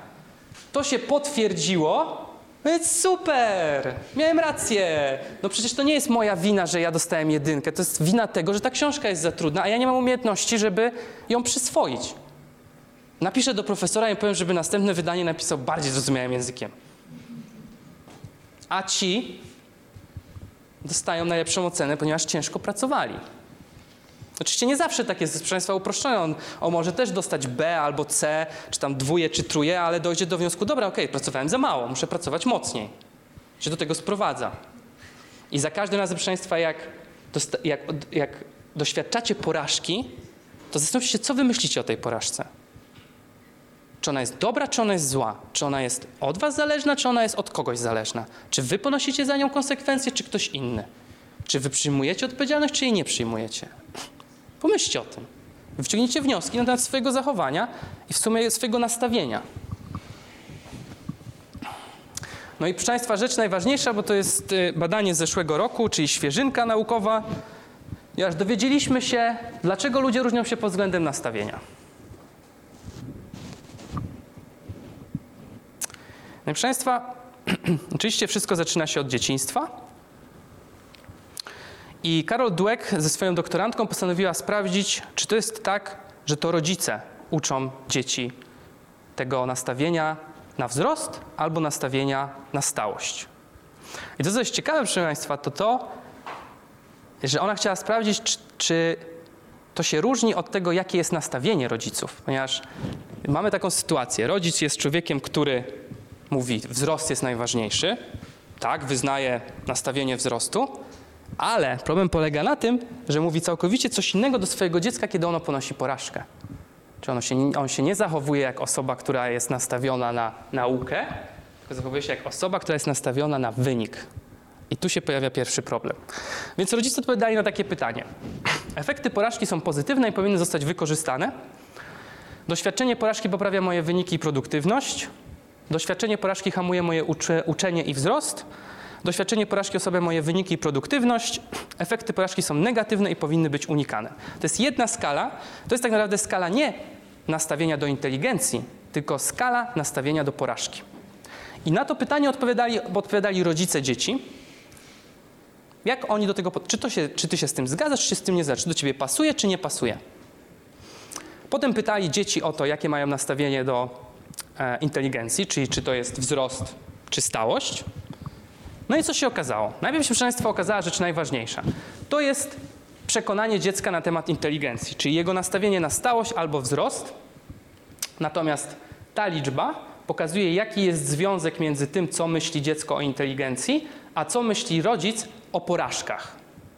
Ponieważ tutaj mamy plusik, no to jest korelacja, to oznacza, że im wyżej rodzic prezentuje osobę, która myśli, że porażki są czymś złym, tym bardziej jego dziecko myśli o tym, że inteligencja jest czymś stałym. To jest na razie związek, on jeszcze nie mówi o żadnym wpływie. Ale wpływ też sprawdzono. Okazuje się, proszę Państwa, że nastawienie rodzica, że porażka osłabia, sprawia, że dziecko widzi rodzica jako kogoś, kto jest nastawiony, na wynik, a nie uczenie się, a to w konsekwencji sprawia, że dziecko myśli o inteligencji jak o stałości cech.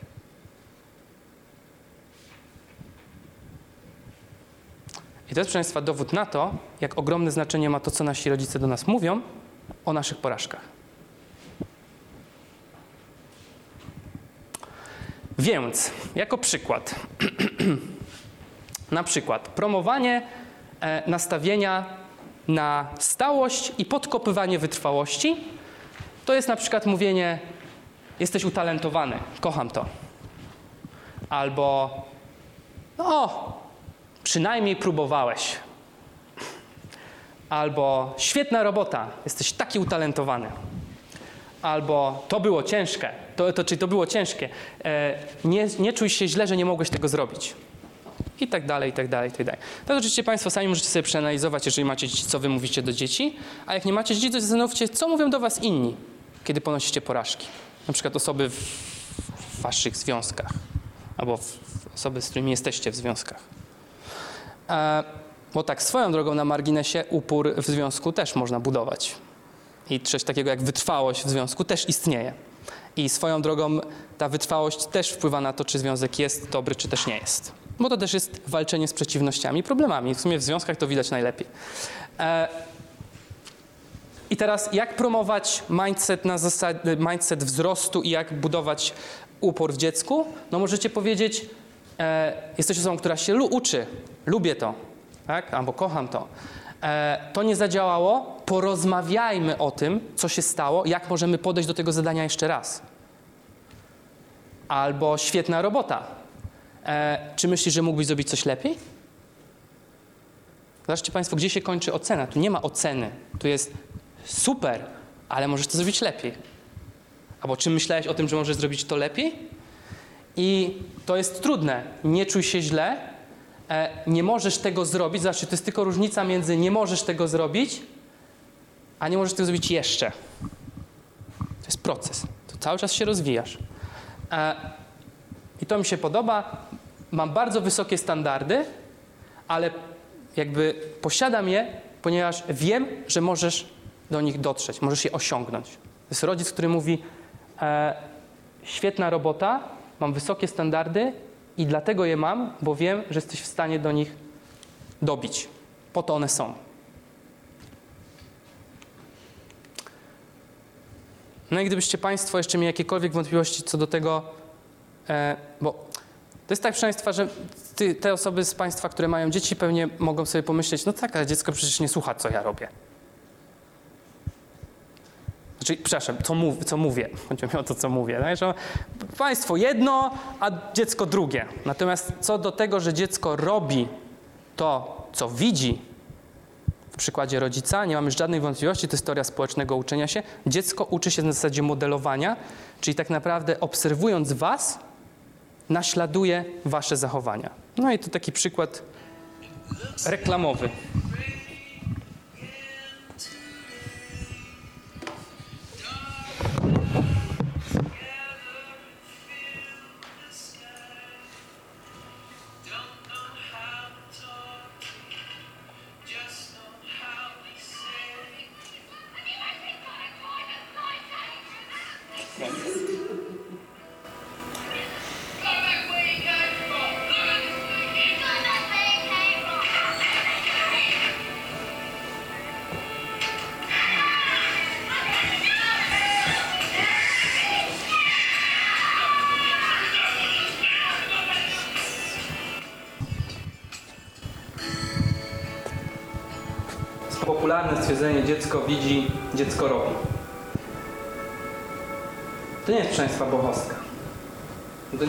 To czasu, klasyczne badania bandury pokazały, że to ma ogromny wpływ. Czyli to, co dziecko widzi. I my ponosimy za to odpowiedzialność, nie tylko jako rodzice, tylko jako społeczeństwo.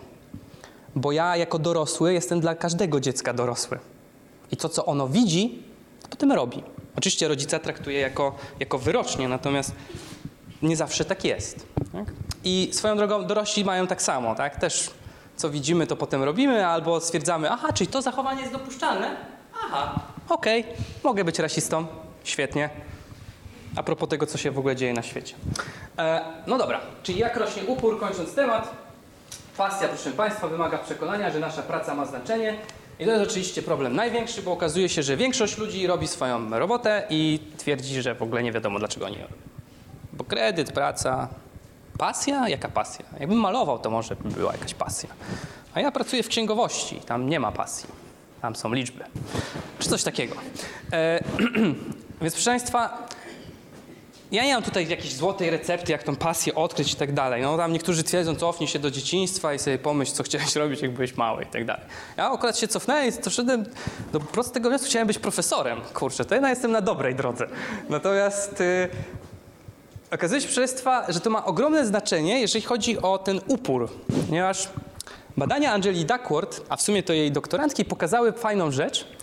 To, jest, to są związki między uporem, czyli jak jesteście wysoko na uporze, a wysiłkiem, no oczywiście im więcej uporu na skali, tym więcej wysiłku wkładacie w swoim życiu, ale co ciekawe, też jesteście bardziej zainteresowani sprawami, które wykonujecie, jesteście bardziej zaangażowani i widzicie w tym, co robicie, więcej sensu. Oczywiście nie wiemy, co na co wpływa. Wiemy tylko, że ludzie, którzy są wysocy w uporze, widzą w swojej pracy więcej sensu, są bardziej zaangażowani, prze- przejawiają więcej zainteresowania. I teraz to naprawdę ten sens ma ogromne znaczenie dla tego, jak podchodzicie do swojej pracy. I to pokazał profesor Adam Grant, który swoją drogą też napisał chyba już dwie książki na ten temat.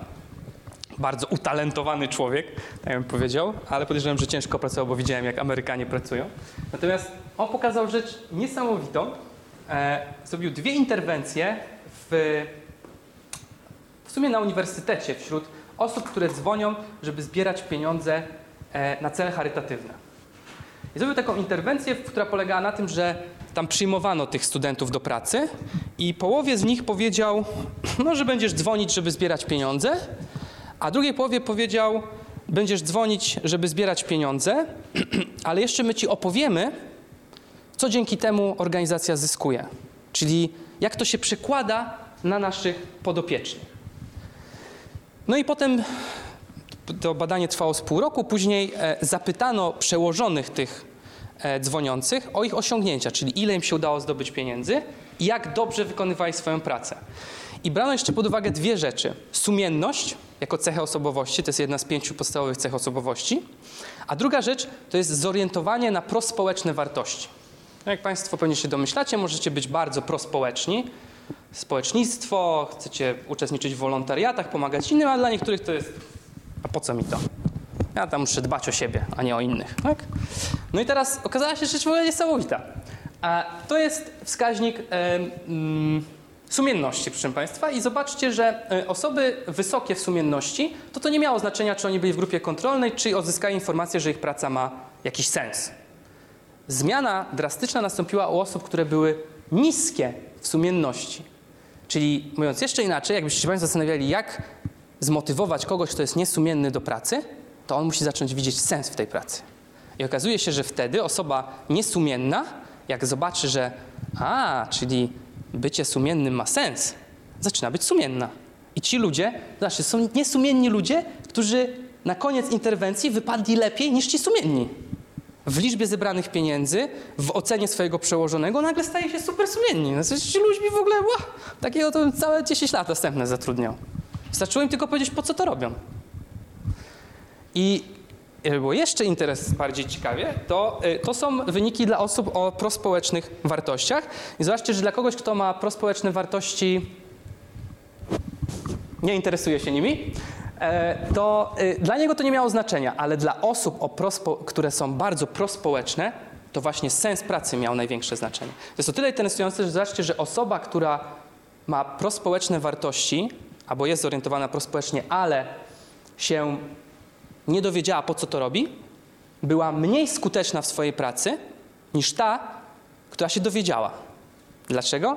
Dlatego, że jak ktoś jest prospołeczny, to chce to pokazywać. Ale on chce to pokazywać sensem. On chce widzieć owoce swojej pracy. Dlatego prawdopodobnie Orkiestra Świątecznej Mocy jest taka skuteczna w tych wolontariuszach, bo oni wiedzą, po co oni to robią. Oni widzą namacalnie, co potem zostało za to kupione i gdzie to wylądowało. To jest sens. Nie mam już czasu, ale jest jeszcze kilka dobrych badań, które pokazują, e, że sens jest ogromnie ważny, jeżeli chodzi o Państwa produktywność. No i na koniec, już naprawdę na koniec, nadzieję i optymizm, proszę Państwa, bo trzeba skończyć optymistycznie i z nadzieją. Więc jak się nauczyć nadziei? Na to akurat mam odpowiedź. Po pierwsze, proszę Państwa, musicie zmienić swoje nastawienie na temat przekonań dotyczących inteligencji i umiejętności. Więc jak sobie pomyśleliście, kurczę, ja mam ten taki mindset sfiksowany, cholera i co teraz? Mama, mama nie mówiła do mnie dobrze, jak ponosiłem porażkę. Koniec świata. Hmm.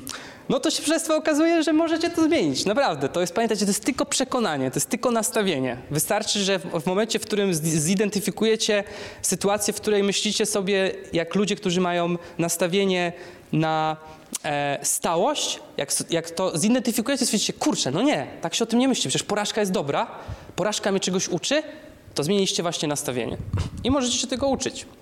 E, druga rzecz to jest oczywiście ćwiczenie optymizmu, proszę Państwa, ale to jest takiego optymizmu, tu chodzi dokładnie, jakbym wrócił do tych szczurów. Tylko nie szczurów, tylko pomyślmy o ludziach. Proszę Państwa, to chodzi o to, że kiedy mierzycie się ze stresującą sytuacją i ona nawet was obezwładnia w pewnym momencie, to pamiętajcie, że za każdym razem macie tutaj cały zestaw sterujący tymi emocjami, tymi uczuciami. Wy możecie to skontrolować. Tylko po pierwsze musicie nauczyć tak zwanego self-talka, czyli takiej wewnętrznej mowy. To jest to poklepywanie się.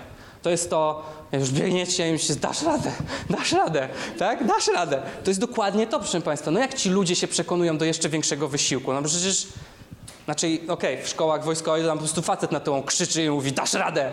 Jak nie dasz rady, to przerąbane, nie jesz kolacji, tak? Czy cokolwiek innego. Natomiast Państwo możecie sami to budować w środku. Sami możecie siebie tak naprawdę zachęcać do, do tego działania, że sobie poradzicie z tą sytuacją.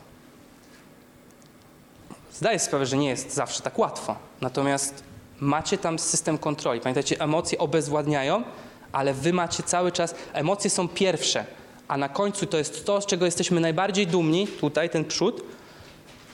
Jeżeli jesteśmy z tego dumni, to z tego korzystajmy. I nie, da, nie, dawajmy, nie, znaczy nie pozwalajmy sobie, żeby emocje opanowywały nasze życie w tym momencie. Patrz, polityka.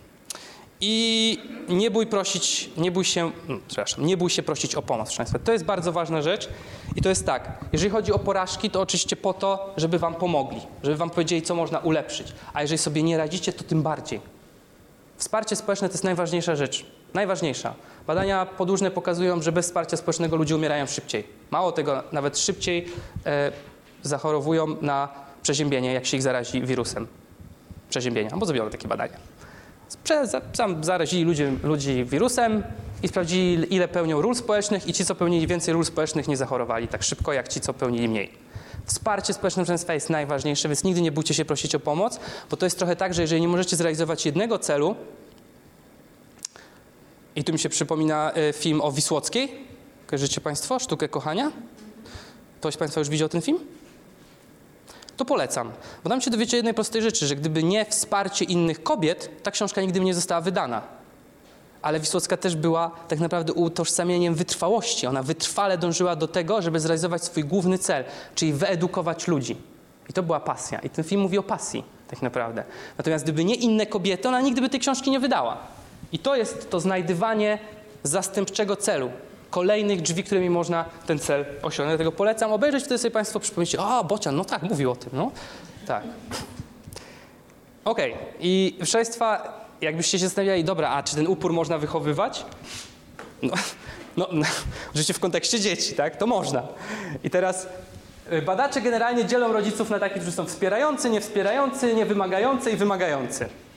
I zawsze jest takie pytanie o to, czy to, to trzeba być takim wymagającym, czy niewymagającym, czy głaskającym po głowie i tak dalej. No więc tak, to jest pobłażliwy rodzic. To on tam poklepuje po ramieniu, ale mówi, dobra, nie to dla ciebie te progi, bez sensu.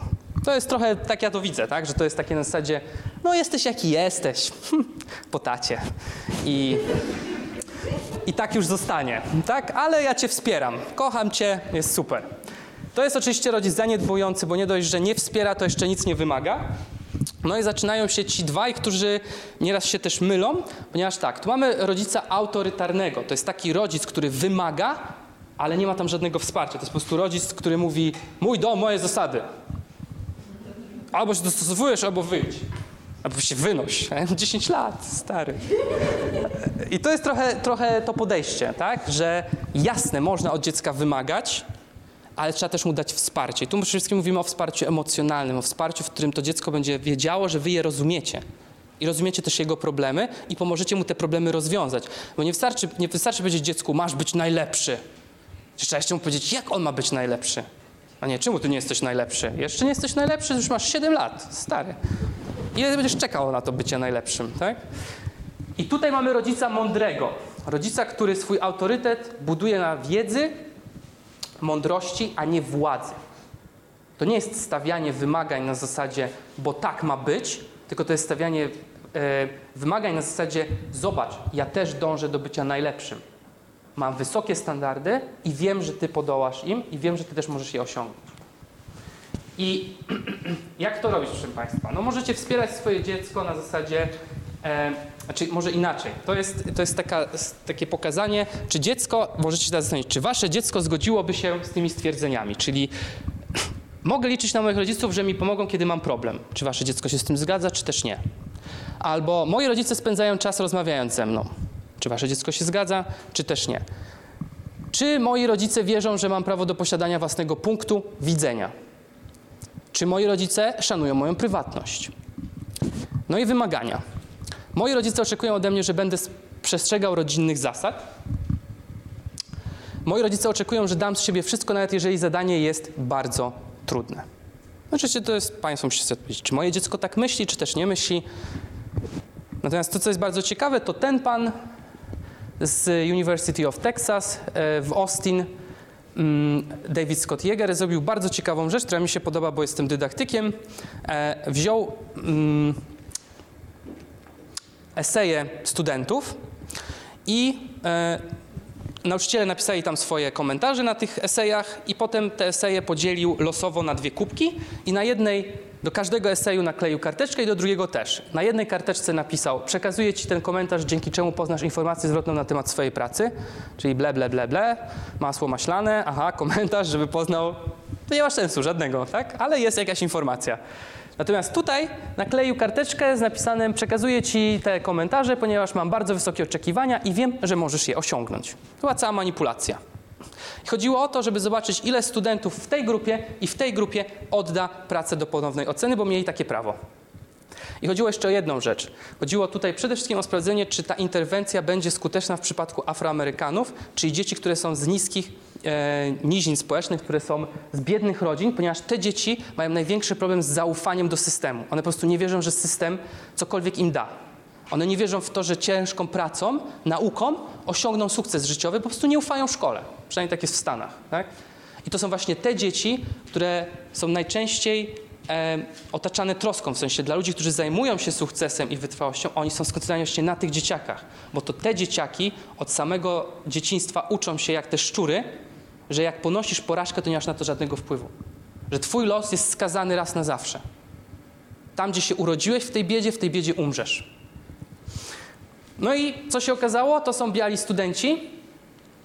To jest grupa kontrolna, to jest grupa e, z esejami. Oczywiście tu już jest efekt, proszę Państwa. Tu już, już jest na białych był efekt. Ale zobaczcie, jak gigantyczny był efekt na Afroamerykanach. Normalnie przy grupie kontrolnej tylko 17% zwróciło esej do ponownej oceny. Natomiast jak im napisano, stary, wierzę w ciebie, dasz radę, 72%, to jest gigantyczna różnica. Jedna kartka, jedna żółta kartka z jednym zdaniem.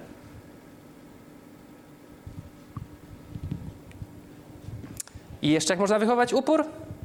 Rodzice to robią, nieraz przesadzają, ale okazuje się, proszę Państwa, że osoby, które cechują się wysokim uporem i wytrwałością, to są osoby, które e, w dzieciństwie miały bardzo dużo zajęć pozalekcyjnych. Znaczy może nie bardzo dużo, ale realizowały zajęcia pozalekcyjne. I jak sobie nieraz pomyślę o tym, na przykład jak się traktuje WF w szkołach, to jestem załamany. Bo to, czego się uczy dziecka, to no tak, sieć, sieć, jasne, usprawiedliwienie, spoko. No po co nam WF w ogóle? Po co nam, czego WF uczy? Na przykład wytrwałości? Na przykład, że jak coś zacząłeś, to to skończ? Na przykład nie poddawaj się? Nie, lepiej mu walnąć dwóje z matmy i powiedzieć, jesteś głupi jednak. I takie mam nieraz wrażenie, proszę Państwa, że kompletnie o tym nie myślimy, czego my te dzieci uczymy potem, ale na koniec bardzo łatwo jest nam oceniać, no co to za pokolenie. Pokolenie mięczaków nam wyrosło. A kto jest za to odpowiedzialny? No my, a nie to pokolenie. Co oni się urodzili mięczakami? No nie. Nikt w nich nie trenował tego uporu tak naprawdę. I proszę Państwa, naprawdę i to w każdej możliwej dziedzinie, nawet w przypadku e, nauczycieli, na przykład bardzo dobrzy nauczyciele, okazuje się, że w swoim życiu mieli bardzo dużo zadań pośrednich. Nawet w danym życiu też mają dużo zadań. Też możecie sobie powiedzieć, ile ja rzeczy robię jeszcze pobocznych. To one was też uczą i też uczą dzieci, uczą wytrwałości. Coś zacząłeś, to to skończ. Nie poddawaj się zbyt szybko. No więc, proszę Państwa, jak zbudować kulturę uporu? Musimy tak naprawdę w dzieciach pielęgnować cechy charakteru. I można je podzielić na trzy. Pierwsze to są cechy wewnętrzne. I tutaj budujemy w dziecku upór i samokontrolę. Pamiętajcie, że upór i samokontrola to nie są dwie te same rzeczy. Upór to jest wytrwałość, a samokontrola to jest decydowanie, którą rzecz wykonuję z dwóch. Zamiast fejsa się pouczę. Druga rzecz to jest społeczne. Uczymy dzieci, czym jest wdzięczność, czym jest inteligencja społeczna i jak się kontroluje swoje emocje. Że to nie można gniewu pokazywać za każdym razem, jak się chce. No i ostatnia rzecz to jest intelektualna cecha charakteru, czyli ciekawość, entuzjazm i zapał. I jako, że w sumie Duckworth w dużej mierze była osobą, która zainspirowała tą prezentację, to skończę też jej słowami. Duckworth mówi tak: Możesz definiować geniusz jako możliwość osiągnięcia wielkich rzeczy bez wysiłku. Ale możesz też definiować geniusz jako pracę nad doskonałością bezustannie z wykorzystaniem każdego elementu swojej osobowości. I w zależności od tego, którą z tych dwóch opcji wybieracie Państwo jako tą, która do Was pasuje, tak będziecie opisywali geniusz i tak będziecie geniusz traktować. I w sumie, czym dla Was jest geniusz? Jeżeli jest tym, to nie jesteśmy geniuszami. Przynajmniej większość z nas. Ale jeżeli traktujecie geniusz jako to, to każdy z Was geniuszem może się stać. No i w sumie tego Wam życzę na przyszłość. I sobie też. Dziękuję.